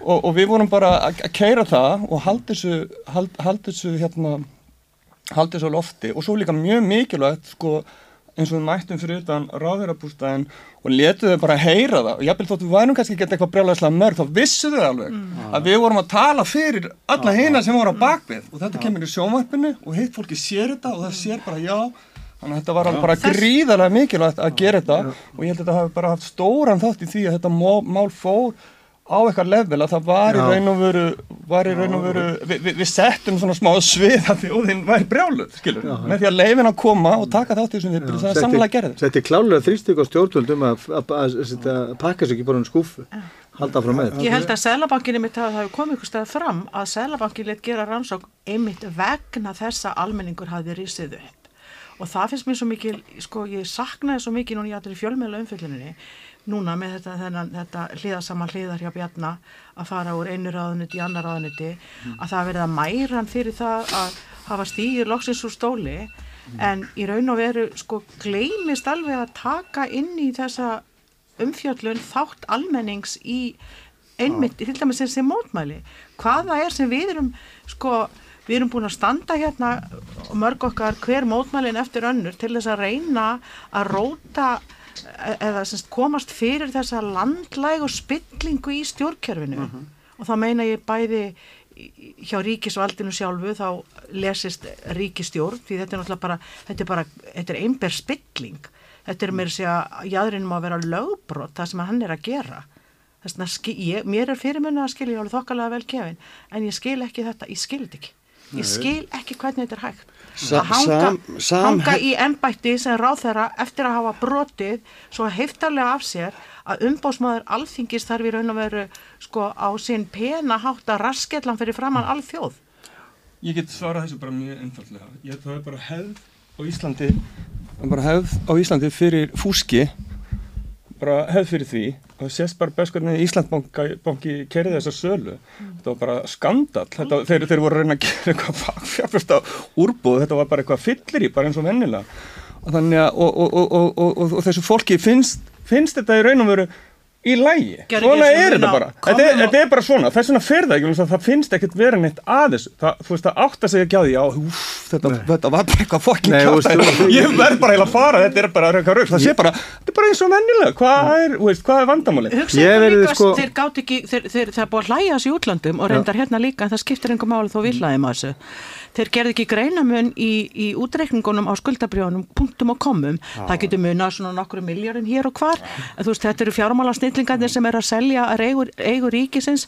Maður hugsa að býti þeir kunni ekki svona margvöldur á tafni, þeir kunni ekki, þú veist, kræst, það er ekki hlæjandi að þessu. Herri, já, og bara hérna stjórnumfundu Íslandsbanka, Ari komin inn, hei, hérna, hei, við erum hérna með ekki henda nokkrum kúlum í þetta, maður, jú, bara ég er þetta með nokkrum kúlur í þetta, fagfjárst þetta úrbúð, ertu ekki að djóka, þetta er bara brandari, og ég held að það hafi verið bara, var það sem að nextlaði fólk, að það, það var ekkert eitthvað bjarni endilega, það var bara þessi, þessi atöp var bara til skammar fyrir þjóðina og allt fjármálakerfið, og bara, þú veist, og það verður bara eitthvað að bera ábyrgð. Og það og hans ég að fara núna er að, að sjálfsögðu mjög seint en, en, en þetta þýðir það bara að hérna, þú veist, þetta, þetta, þetta hafði afleðingar og sérstaklega líka fannst mér gott við þetta núna allavega, þú veist, að þegar hann, þegar hann hérna, að það sem kemur kannski í þessari afsögn er það umbásmaður segir, það er ekki nóg, það er ekki hægt að segja ég vissi þetta ekki það er ekki hægt lengur, þannig að það er ekki hægt að kemur næsta klúður eitthvað upp að segja ég vissi ekki neitt, af því að það er engin aflaust, það, verður ekki aflaust lengur Má ég leggja með meina spurningu hérna vegna þess að þetta er náttúrulega allt í krafti, krafti valdsins, lesist sjálfstæðisflokksins sem stýrur þessu landi leintið að ljóst og hefur gert með samþykja annara flokka ef að þetta, þessi hérna, þessi leikflétta Bjarnar Bendissonar og þess, þetta klúður hans og allur leik, eftirleikurinn hefði verið í höndum einhvers annars flokks hvernig haldið þið að viðtökur sjálfstæðisflokksins hefðu verið? Já, já, Það skiptir einhverja máli hver, hver á hluta máli. Já, þeir eiga heldur ekki bakland í öllu stjórnkjörfinu, aðri flokkar, sko, þar sem að sko hefði og, og embætismannakerfið er unni, samfylkingunni eða einhverjum öðrum flokki sem það- hefur ekki þetta sama hafi ekki þetta bakland í stjórnkjörfinu eða dóms, eh, hérna, í dómskerfinu eins og, eins og sjálfstæðismenn hafa sem hafa náttúrulega í gegnum síðustu fjóra áratíu bara raða sínu fólki hérna hægt og rólega inn Mhm. þannig veist, það er náttúrulega aðri flokkar hefðu aldrei þólað þetta en, en við sjáum náttúrulega sko, þó að mótmælin á austuvelli þó að sko, mæti 2-3 þúsund manns uh, á svona mótmæla, þetta eru ígildi reysa mótmæla alls þar annars þar bara í heiminum. Uh, og svo eru þau ítröku 5, 6, 7 sinnum í röð. Skoðanakannin sína sko 80-90% uh, hérna, fylgni við, við kröfum mót, uh, mótmæla samt gerist ekki neitt. Og ég veit hvað, hvar myndi þetta eiga sér stað sko, eins, ef að, segjum að veri 150-200.000 manna mótmæli í London. Mm -hmm. laugadag eftir laugadag eftir laugadag og 85% allra breyta síndu samstöfum mótmælum um kröfum að eitthvað ráð þeirra viki það myndi svo ekki gera það. Mm -hmm. þetta var þetta óhugsandi já, að svona er, myndi eiga sér stað. Já, við erum bara á stað sem að við erum bara þáttur svona vanþroska með ákveðna þætti í líðræðinu ég er ekki að segja að við sem þjóð sem eitthvað rosalega vanþroska á mörgum vettum en svona hér og þar megum við, við reyna að fara áfram. Og við erum bara búin að vera alltaf einhvern veginn svona óþægilega lengi í einhvers konar sko fúsk peninga raunveruleika sjálfstæðisflokksinn sem hefur einhvern veginn bara ægi vald yfir öllu stjórnkjörnum hefur haft hérna í marga áratíi og einhvern veginn erum við bara einhvern veginn í eitthvað svona fúsk fjármálakerfi og fjármálastjórnarkerfi sem að einhvern veginn er réttlætt með því að það er, það er bara við sem ráðum og við eigum þetta land. Og einhvern veginn er ekki einhvern veginn búið að snúa einhvern veginn þessum skilningi á því hvernig það var að taka utan um þessa, þetta samfélag af því að þetta sé einhvers konar bara einhvers konar einhvers, stíja sem að sjálfstæðarflokkurinn stjórnar. Mó, mó, mótmæli já, mótmæli hérna þau virka. Og það gerðist 2007-2009 það gerist með Sælabankastjóra mm. og svo náttúrulega Panamaskjölin þannig að þetta er alveg að virka. Þannig að það, það ætti ekki að letja fólk til að koma og sína samstöðu.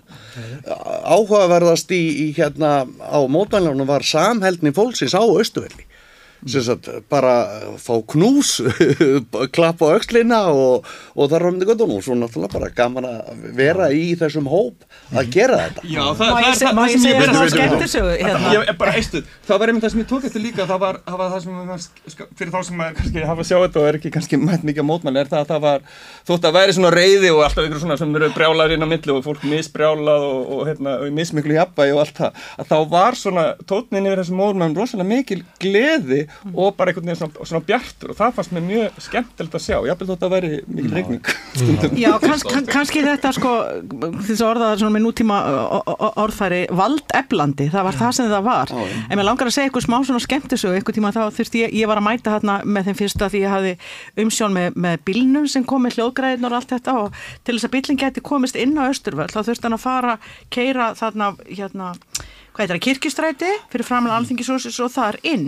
Og það er slá og ég stóð þarna alveg uh, lens og bílinn kom inn og sláinn er niðri og bílinn þurfti að komast í gegn og ég veist ekkit hvað ég ætti að gera.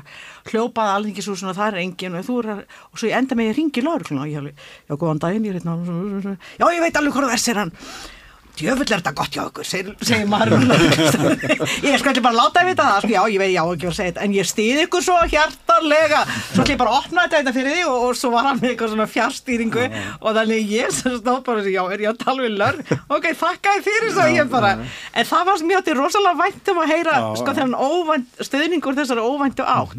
Þannig það segir líka svolítið til um já, ég hugsa við höfum átt okkur marga sko, stöðningsaðila hér og hvar í samfélaginu þó er hefði ekki ekkert endilega mætt þetta niður til. En það er ekki að fara að prósent var, á okkar bandi. þannig að við vorum í umbúðu 300.000 bara, 300.000 Við vorum í umbúðu þeirra allra Já, ég held að og það, og það er það sem er, þess vegna er það líka svo daburt að sjá þetta núna og líka vegna að ég, ég er ekki alveg sammálaður með við séum svo illa þróskuð, ég held að það sem er náttúrulega bara mjög ábyrgandi enginn á íslensku samfélagi er það að sko prinsip er ekki virt það er svo mikið prinsipleysið, það er eins og menn skilji ekki prinsip, ef það er ekki fullkomlega óláglegt, þá er hægt að gera þó það brjóti í báa við allar siðareglur. Og mm. það finnst mér einhvern veginn svo allt of algengt. Og það ávið nákvæmlega þetta. En segjum mér eitt að, að leið og hérna verður óbyrgberð hvernig var staðið af sölunni að þá hafnaði almenningur því, reys upp og fórum mótmála því var andmælt það var bara einhver örfávar hæður eitthvað mótmæla þessu, eitthvað svona töðarar í þessu síðan koma skoðanakannan sína það að, að meiri, meiri hluti alminnings bara yfirgnafandi meiri hluti alminnings er, sama máli og mótmælendur og svo koma hérna uh, skýslur ríkisendurskoðun fjármála eftirlitið, umbósmaður allþykis allt í takt við það sem alminningu sá bara auga bræði mm -hmm. hvernig stendur á því að alminningu sér í gegnum þetta bara svona strax? Og svo, svo líka má vera sko það átti ekki að byrta nei. Það er daldi sem gleymist daldi í þessari svona mm. samtalinu á samfélagsmiðlum og all, allstaðar. Mm. Þannig að eitthvað, eitthvað gerðist þar sem við fáum sérlega aldrei að vita. Sko. Já, þetta er mjög áhugaverð spurning. Af hverju sjá sér almenningur strax í gegnum þetta? Ég held að þetta gildi mig rosalega margt.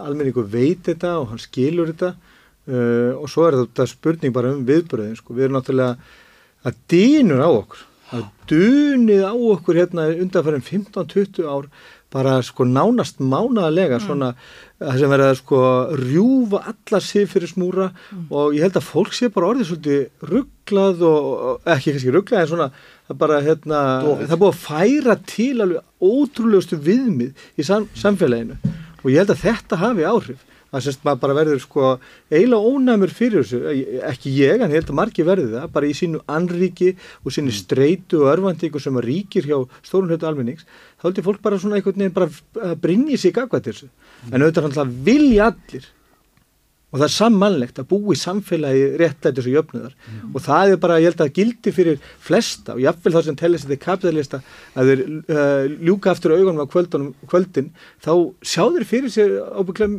samfélag sem er ekkit ólíkt okkur hinn hinn sem eru sósialistar eða hugsa um félagslega réttlæti.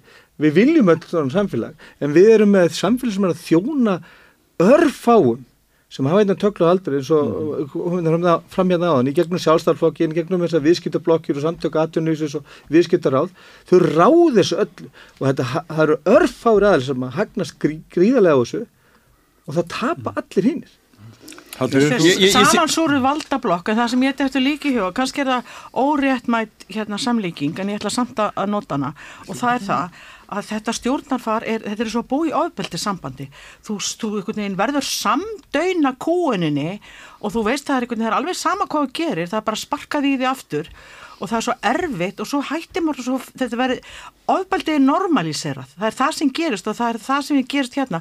Spillingin er normaliserað, þetta er bara eðlilegt. En almenningu sér í gegnum það, sko. Almenningu sér í gegnum það, en já en Almenningu sér ekki í gegnum það að það er bara óhæft að bjarni sér áfram í ríkistöðinni, almenningu vil hann bara burt. En, en hvað getur við gert meira en að mótmála, mér það er svo, það, ég veit ekki hvaða ráð við höfum önnur heldur en nei, sko nema ófríðsamlega almenningu sé ekki samdöna það er bara elita sem er samdöna hún heldur þessi lægi bæta eins við að fólk hafi síðan alltaf bjarn að gera í mislegt annað áður en að Íslandsbanka salan komi upp borgun og, og Já, mun fleiri dæmi þannig að það kannski er að kveika bara.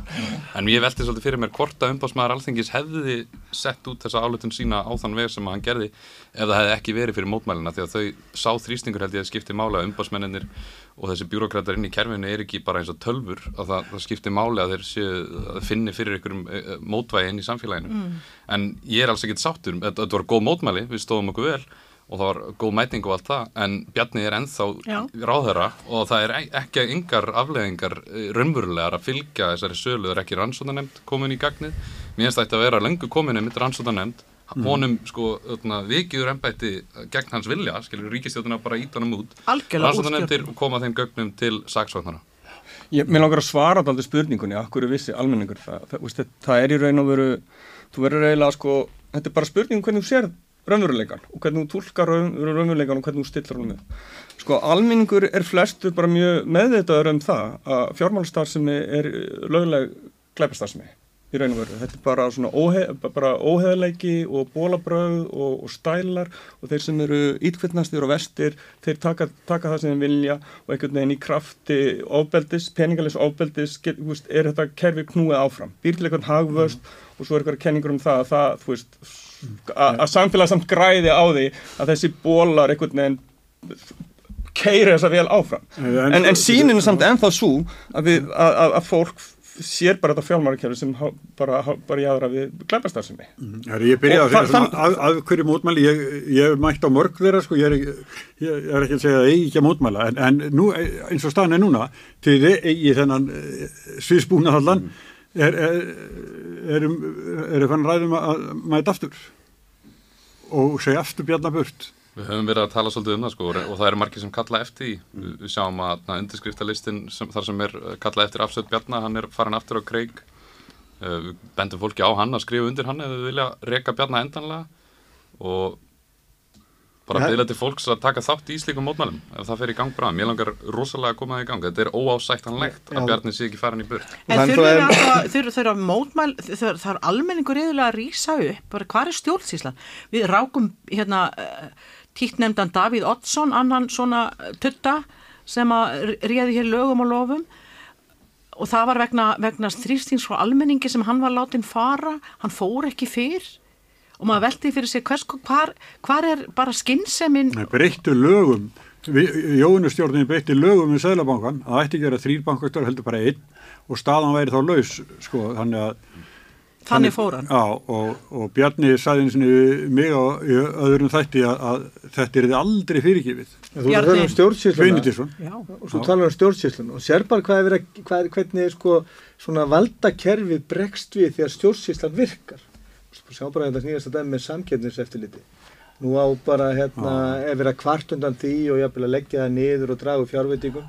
Við sjáum bara með hérna ríkisendur skoðanda mm -hmm. fyrirverandi hvað hérna hann sett í, hérna í við hann og hann er svona dreyju trúveruleika hérna sérstaks ríkisendur skoðanda sem fór yfir bankasöluna Svona bregst valdakerfi við þegar stopnarnir samfélagsins eru að reyna að högta áfram svona hérna, samkvæmt lögum og samkvæmt svona þessum viðmiðum og samfélagssáttmála sem við búum við. Að þá fer valdakerfið bara upp á tætnar og hótar þið bara að leggja þetta niður. Bara, það, það er búið að gerast ítrekka. Af því prinsipin eru ekki hafði í heiðri höfð. Og ef einmitt ráðherrarnir í ríkistjórnini, Katrín Hagstóttir aðala, einhvern veginn bregst ekki við og, og, og svarar þessu, kemur með afleggingar sem eiga að fylgja svona gjörðum.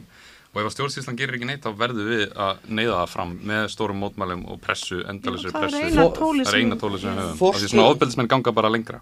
Forstöðu mennirnir eru skipaðir af þessu fólki.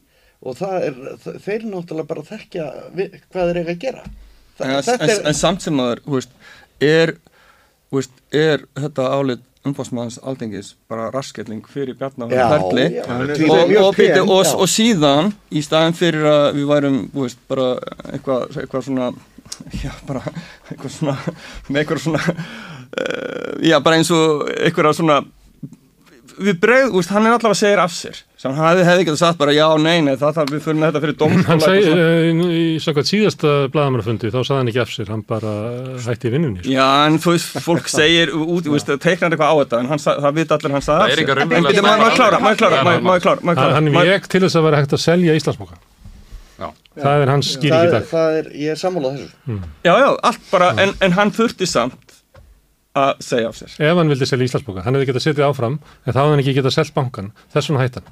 Ok, ok, hann, kannski er hann að reyna að segja eitthvað svona, en allavega hann þurft að segja af sér út af þessu áleti mm.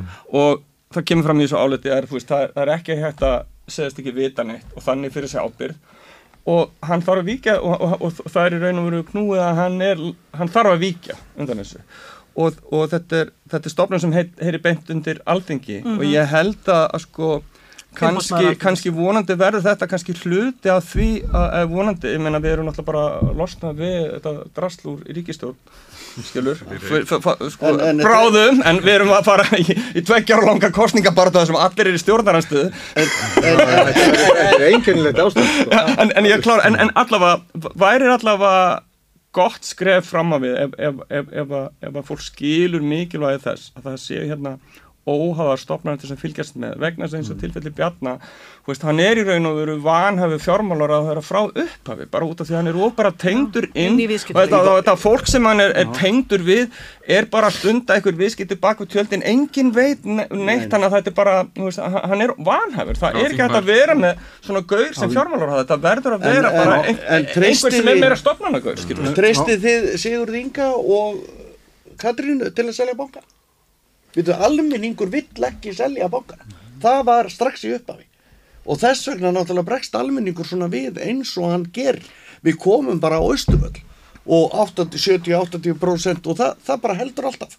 Við, við viljum ekki selja bankan og er, þetta er um þetta og, og forstu, stjórnsýslu fólki sem fer fyrir þessu stofnun þær eru í að vinna vinnuna fyrir Bjarnar, fyrir Katrínu, fyrir Sigur Ríka það er alltaf ekki nefn að bara tæpur álda fjörðungu síðan við fórum í gegnum nákvæmlega þetta. Það var að selja búnabankan og landsbankan og svo er búin að selja fullt af hérna, innviðum og, og síðan. Að ég man ekki til þess að nokkuð tíman hafi eitthvað svona sala innviða eða ríkisegna uh, gengið nökurlegst fyrir sig og ekki... líka bara svona eftirmála eftirkvöst, mm. þetta er allt bara skapað bæði sko afhjúpað alveg gengdalis og spillingu og svo bara gríðarlega áföll fyrir samfélagi mm. allt saman mm. Ég er nú að lesa hérna bók sem var gefin út á dögunum af, af höfundi og heitir Eimriðar klíkan spillingarsaga, mjög fróðuleg lesning og það alveg kemur fram að Kjartan Gunnarsson að framkvæmtastöru sjálfstæðarflokksins satt í, í stjórn já, við, satt í stjórn landsbankans meðan var ríkisbanki. Fór svo með bankanum yfir þegar búið að vera engavæðan þannig hann hefur setið í leikil stöðu fyrir sitt fólk. Mm og það sem að, það sem að sko, er svo sorg, það er svo sorglegt að horfa upp á þessi vinnubröð endalust, endalust, endalust og auðvitað er fólk að mótmæla sölun og bankanum vegna bankarhundsins, vegna þess að þetta fór svo illa við hefum ekki fengið borga fyrir síman sem var seldur ha, við átti ekki að byggja landsbítala fyrir hann hvað var fleira selt sem við hefum ekki fengið greitt fyrir það er hellingur, það er búið að milja hérna undan sko, það er búið að draga úr innviðunum og selja og enga að hitta algjörlega. Núna til dæmis er bara eitt nýlegt aðeins bara frá því vikunni að, hérna, að nú alltaf viljum þóru vegna þess að svo mikið neyð á hjúkuruna hefðum hérna á borginni að tala við sko samtök fyrirtæki í velferðþjónustu um að leysa vandamál. Það er að skapa þetta fullkomnu aðstæður til þess að fara í massífa engavæðingu á hérna, mm. helbriðskerfinu. Það er gert gaggert að búa gaggert að fjársvælt þetta til þess að fólk... Og gegn vilja almennings. Þessi stjórnum okkar ljú alltaf um það sem þeir ætla að gera. En þeim sem tekstum alltaf... Og viðreist sko stekkur á bólk. Já, viðreist er alltaf bara fyrir engavæðingu. Það sem er svo grátlegt í þessu líka er það að þeim tekst alltaf einhvern veginn í þessari, þessari umræðu að gaslýsa fólk og telja því trúin um það að engaveiðing sé einhver allsherjar hókus pókus lausna á öllum vanda og núna nýjasta útspilið hjá, hjá þessum sömu valdtöfum er örglega og það, það, allavega, það bendir allt til þess að þeir að finna nýja blórabögla og blóraböglanir eru jú hverjir. Jú það er fólki sem veikust um fætistendur, innflýtjendur, öryrk er náttúrulega rosalegt vandamál sko, þeir eru alltaf mikla blóðsugur á kerfinu og, og, alltaf sama tökkan, þú veist, ráðist alltaf á garðin það sem hann er lægstur. Það er aldrei talað um, aldrei talað þetta fólk allavega um að það þurfa að hækka skatta á útgerðaraðalinn mm -hmm. eða, eða, eða þessa fjármags eigandur, peningafólki bankana, bankana. Hvar, nú verður fróld að sjá í samlinga við lótunum sem er framöndan mm. að, að hann var að tala um það að Ragnar Þóriðni hjá þér í viðtali formaður VFR að það þarf að þrýsta og þú hefði spurt hann um það þrýsta á yfirvöld og maður velti fyrir sér á að lækka vaksta eh, hérna vextina hverjir eru að græða því? Það eru bankana sem eru að græða því mm. og þeir eru bara þeir, þeir eru með yngar hömlur settar yngar mm. Herru, en eh, að mótmælunum, að ég er hérna gul reglíf hérna, mm. að við keftum eh, slatta reglífum, að því að við regnum náttúrulega, er þið regning eitthvað daginn. Og það hefur verið fræg mótmæli í Hong Kong sem að voru fólk með gula reglífur þetta verið svona skemmtilegt. Það ringdi aldrei, við vorum alltaf svo heppið með vel Jó, það ringdi á einum smá. Við fengum þetta með sérstökur hraði frá London Það en svo var bara besta veður fyrir að koma, þannig að við erum alveg tilbúin í að halda fleiri mótmæli og mótmæli í regningu, en svo var líka sko, fólk var að gefa okkur alls konar hluti eins og hérna Bodli með hérna Just Stílit og Íslandsbakkalógóinu sem að Haldur Höguður gerði, þannig Bodli sem að er með hérna burtu með vanhæfa ríkistjón þess að spiltu ríkistjón sem að Óláður Ólásson og Líbíja Kastró gerði fyrir okkur Uh, ég held að Marja Péturstóttir hafi búið til þetta Bjarnaburt hérna, sem var á, á fyrstum mótmálunum og svo komum við með alls konar tjöld og eitthvað hlera, það komum við alls konar listamenn sem að hýtuð upp. E einu sinni var hérna prógramið þannig að Páll Óskar hittað upp fyrir fundin já. en uh, Rottvalir hundar uh, sló botnin í það. Og það vandaði ekki sko, svo komu, var allt í nefn brúðuleikur síningar það og það voru, voru rosa skemmtilega, áræðislega og svo voru við með svona sirkustjaldi eða hvað heitir þetta svona hérna, svona, svona karnevalstemming já, karnevalstemming, þar sem við vorum með þess að dósir, þar sem fólk að reynda að fella ríkisönduna já, svo vorum við með hérna að kasta frísbí já, já, reyna að koma stjórn stjórnarskröðin gegnum alþingi. og, og hjólið já, hérna, og svo uh, Guðmundur sá alltaf um, um kakó og kleinur sem við vorum með. Þetta var alveg og, og, og, og svo var líka svo gaman maður átti að segja á því að, að fólki sem kom var svo ánætt með mótmæli að, að við letum fötu ganga og, og við gáum kakko og kleinur ef fólk að henda eitthvað í baukinn eins og bara er í, í góðum söfnuðum.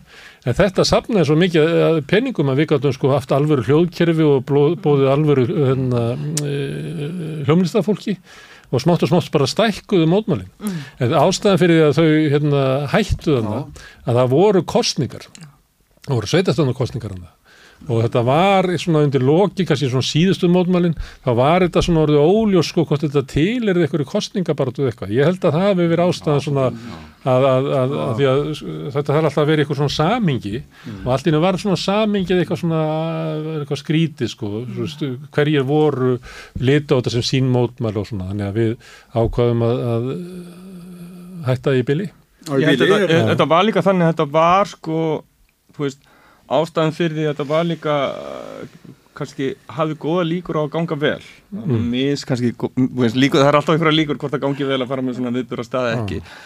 Er að þetta var svo mikið fleitt inn í gamalt sár sem svo margir höfðu skilur, að þetta, þetta var eiginlega og, og þetta var líka um vor þannig að það var, var ekki skipt á kuldu eitthvað svona þannig að, og, og hérna Það var þetta mjög kallt fyrst sko, ég sé, var að skoða myndir.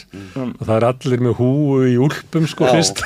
Og svo léttist það þessi yfir þegar að vera að Ég man bara eftir Páli Óskari og Sólinni og Já. allir bara glæðir og karnir á stemmingunni. Ég, ég, ég, það er mín minning af þessum mótmælum. Þannig, að- þannig að þetta var kannski bara eins og ég segið, það var ímislegt sem laðist með þetta gekk vel, en sem voru náttúrulega bara eiga við bara þessa, þessa, þessa, þessa, þessa fornisku sem íslensk pólitík er. Þannig að það, það er enginn að segja neitt af sér út af neinu. Nema að sé bara, veist, bara eitthvað bara eitthvað kúpein allra annara sett á eins og hefur verið eða bara eitthvað lögbrot og eins og núna eins og, og, og núna er samt gott að sjá það að, að, hérna, að, að, að þeir, hann hlýtir þessu skilur hann getur sagt já það er svo ég getur sagt Íslandsbóka en hann þur, þurfti samt að segja af sér skilur þannig að þetta er, þetta er Já. blettur á hans fyrir sjálfsæðisflokkin og á þessa ríkisvöld alla. var þetta skipulega svona mótmælum?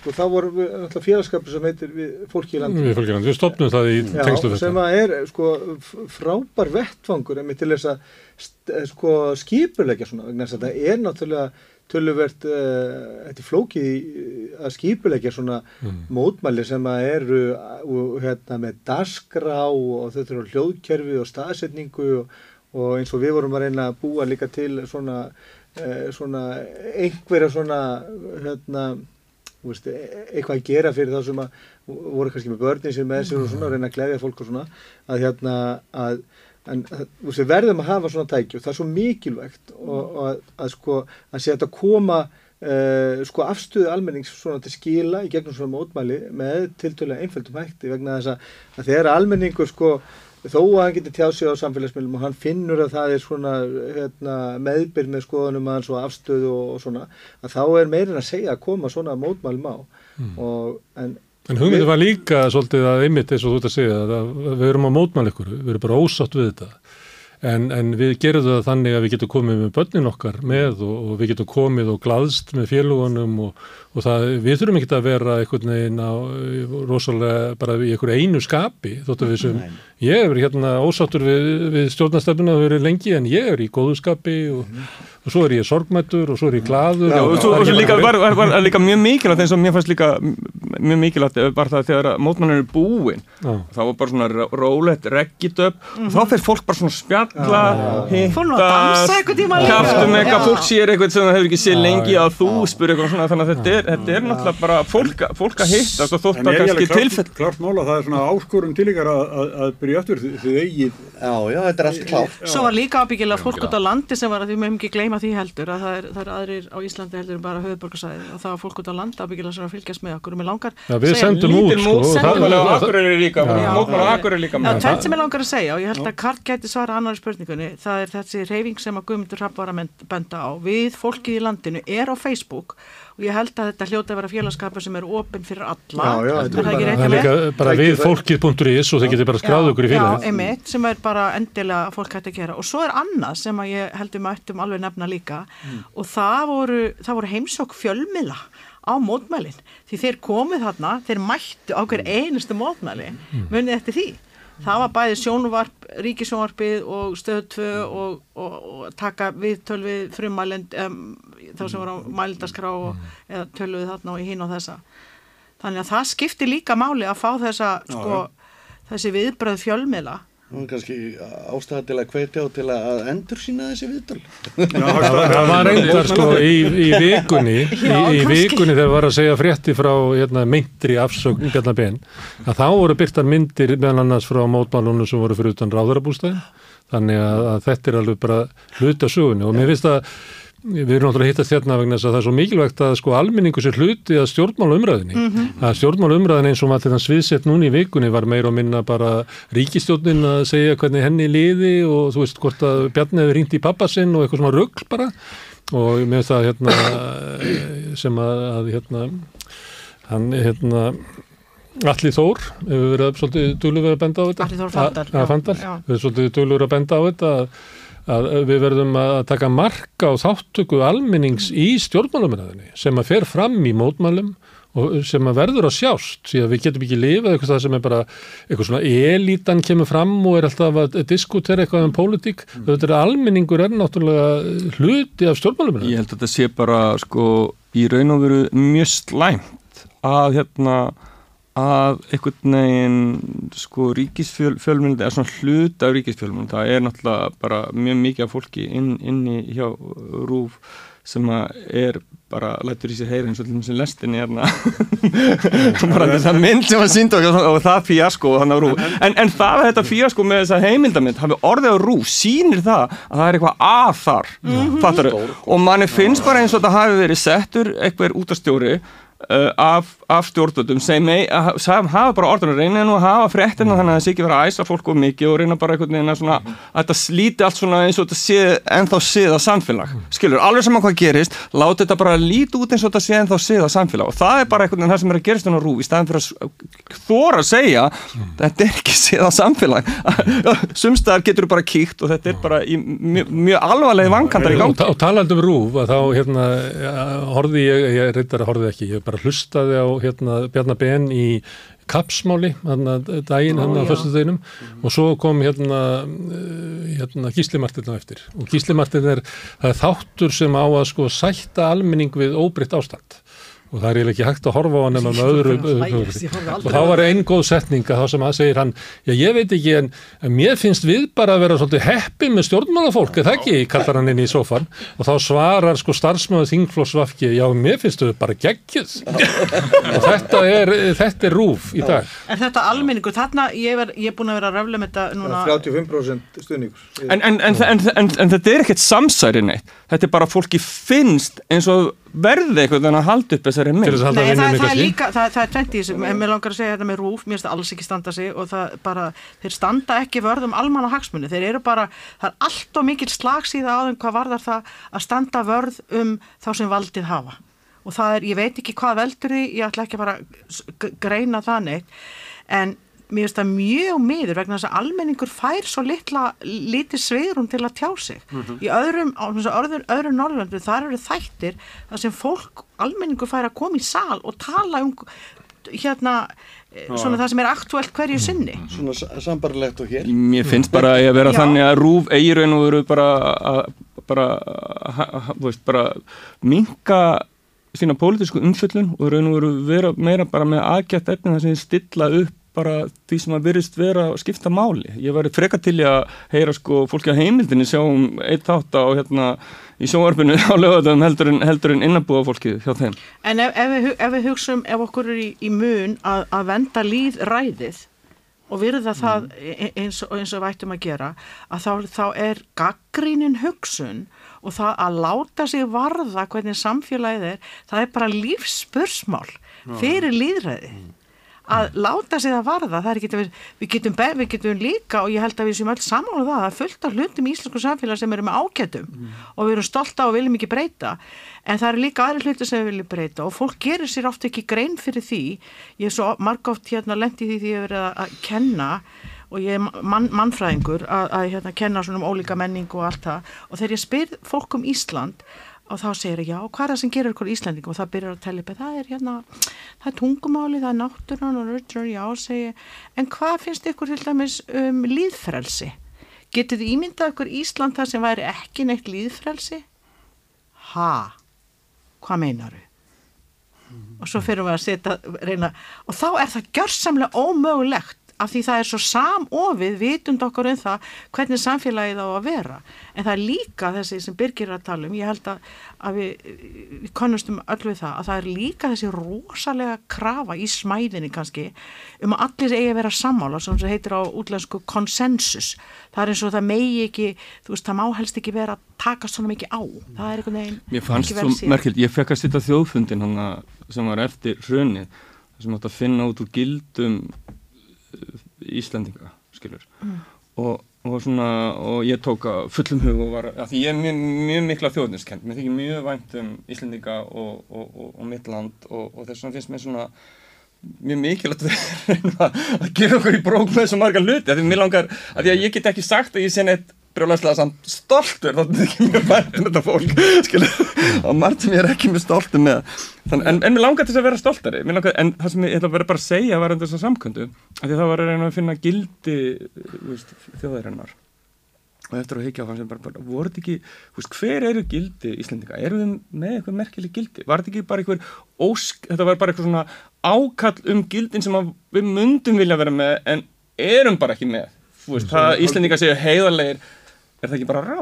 Er, sko, ekki, er, ekki, er ekki Íslendinga kannski bara óheðalegir? Er það kannski, skilur, ég meina, ég, ég bara, veist, þann, þannig að mér finn, finnst þetta að vera þannig að bara kannski erum við þjóð sem erum ekki meðin en gildi. En við erum svona, sko, ég held að, sko, tungumáli afhjúpi er svona ákveðin, sko, svona hugsun átt, sko, að við byrjum til að samtölu á því að spyrja, er ekki nóg að gera hefur? Það er svona, veist, það er, sko, eftir ekki að þræla þér alveg út og það, og það er svona ákveðin digð í því Er það nokkuð að svindla?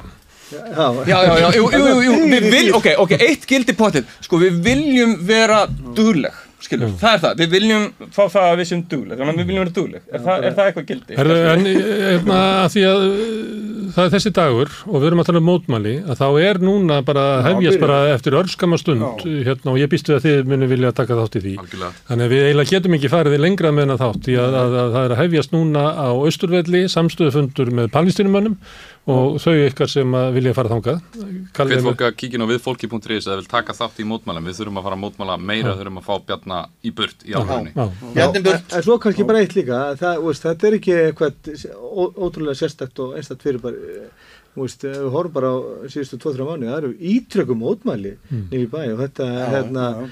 er bara eitthvað sem við þurfum að temja okkur og, og, og, og gera bara oftar mm. og starra og láta já, vinna saman mm. og sína samstöðu. Þegar röddin, rödd fólksins að heyrast. Já, nummer 1, 2 og 3 mm. að það bara, þú veist þetta fer í róla heitunum fram á við. Þannig að það er það, það bara um að gera að vera bara alltaf bjartstinn alveg saman hversu Mhm. brjálaðum maður er að vera alltaf bjartstinn vitandi það að þetta fer í rétta á Ef að við erum virk. Já. Við erum rétt með megin sögunar Bjarni burt. Bjarni burt. Láttu þetta vera hérna, botnin á þættinum uh, eins og hér hefur komið fram að þá getur fólk uh, farið inn á við fólkið.is og skráð sig í, í mótmálahópin eh, við fólki í landinu sem stóð fyrir mótmálum þarna og mun standa fyrir mótmálum í framtíðinni. Uh, virkni er líka það sem við erum að gera hér á samstöðinni ef að fólk vil aðstokkur við það þá getur það að fara inn á samstöðum.is það er nappur sem heitir áskrift. Ef þið ítið hann þá getur við áskrifendur hér og valið það að áskriftar gjaldið ykkar verði jafnframt félagsgjöld í alþjóðfélaginu og það er alþjóðfélagi sem á samstöðina en ég hveit ykkur bara til þess að vera virk í barátunni og segi góða helgi. Takk. Takk fyrir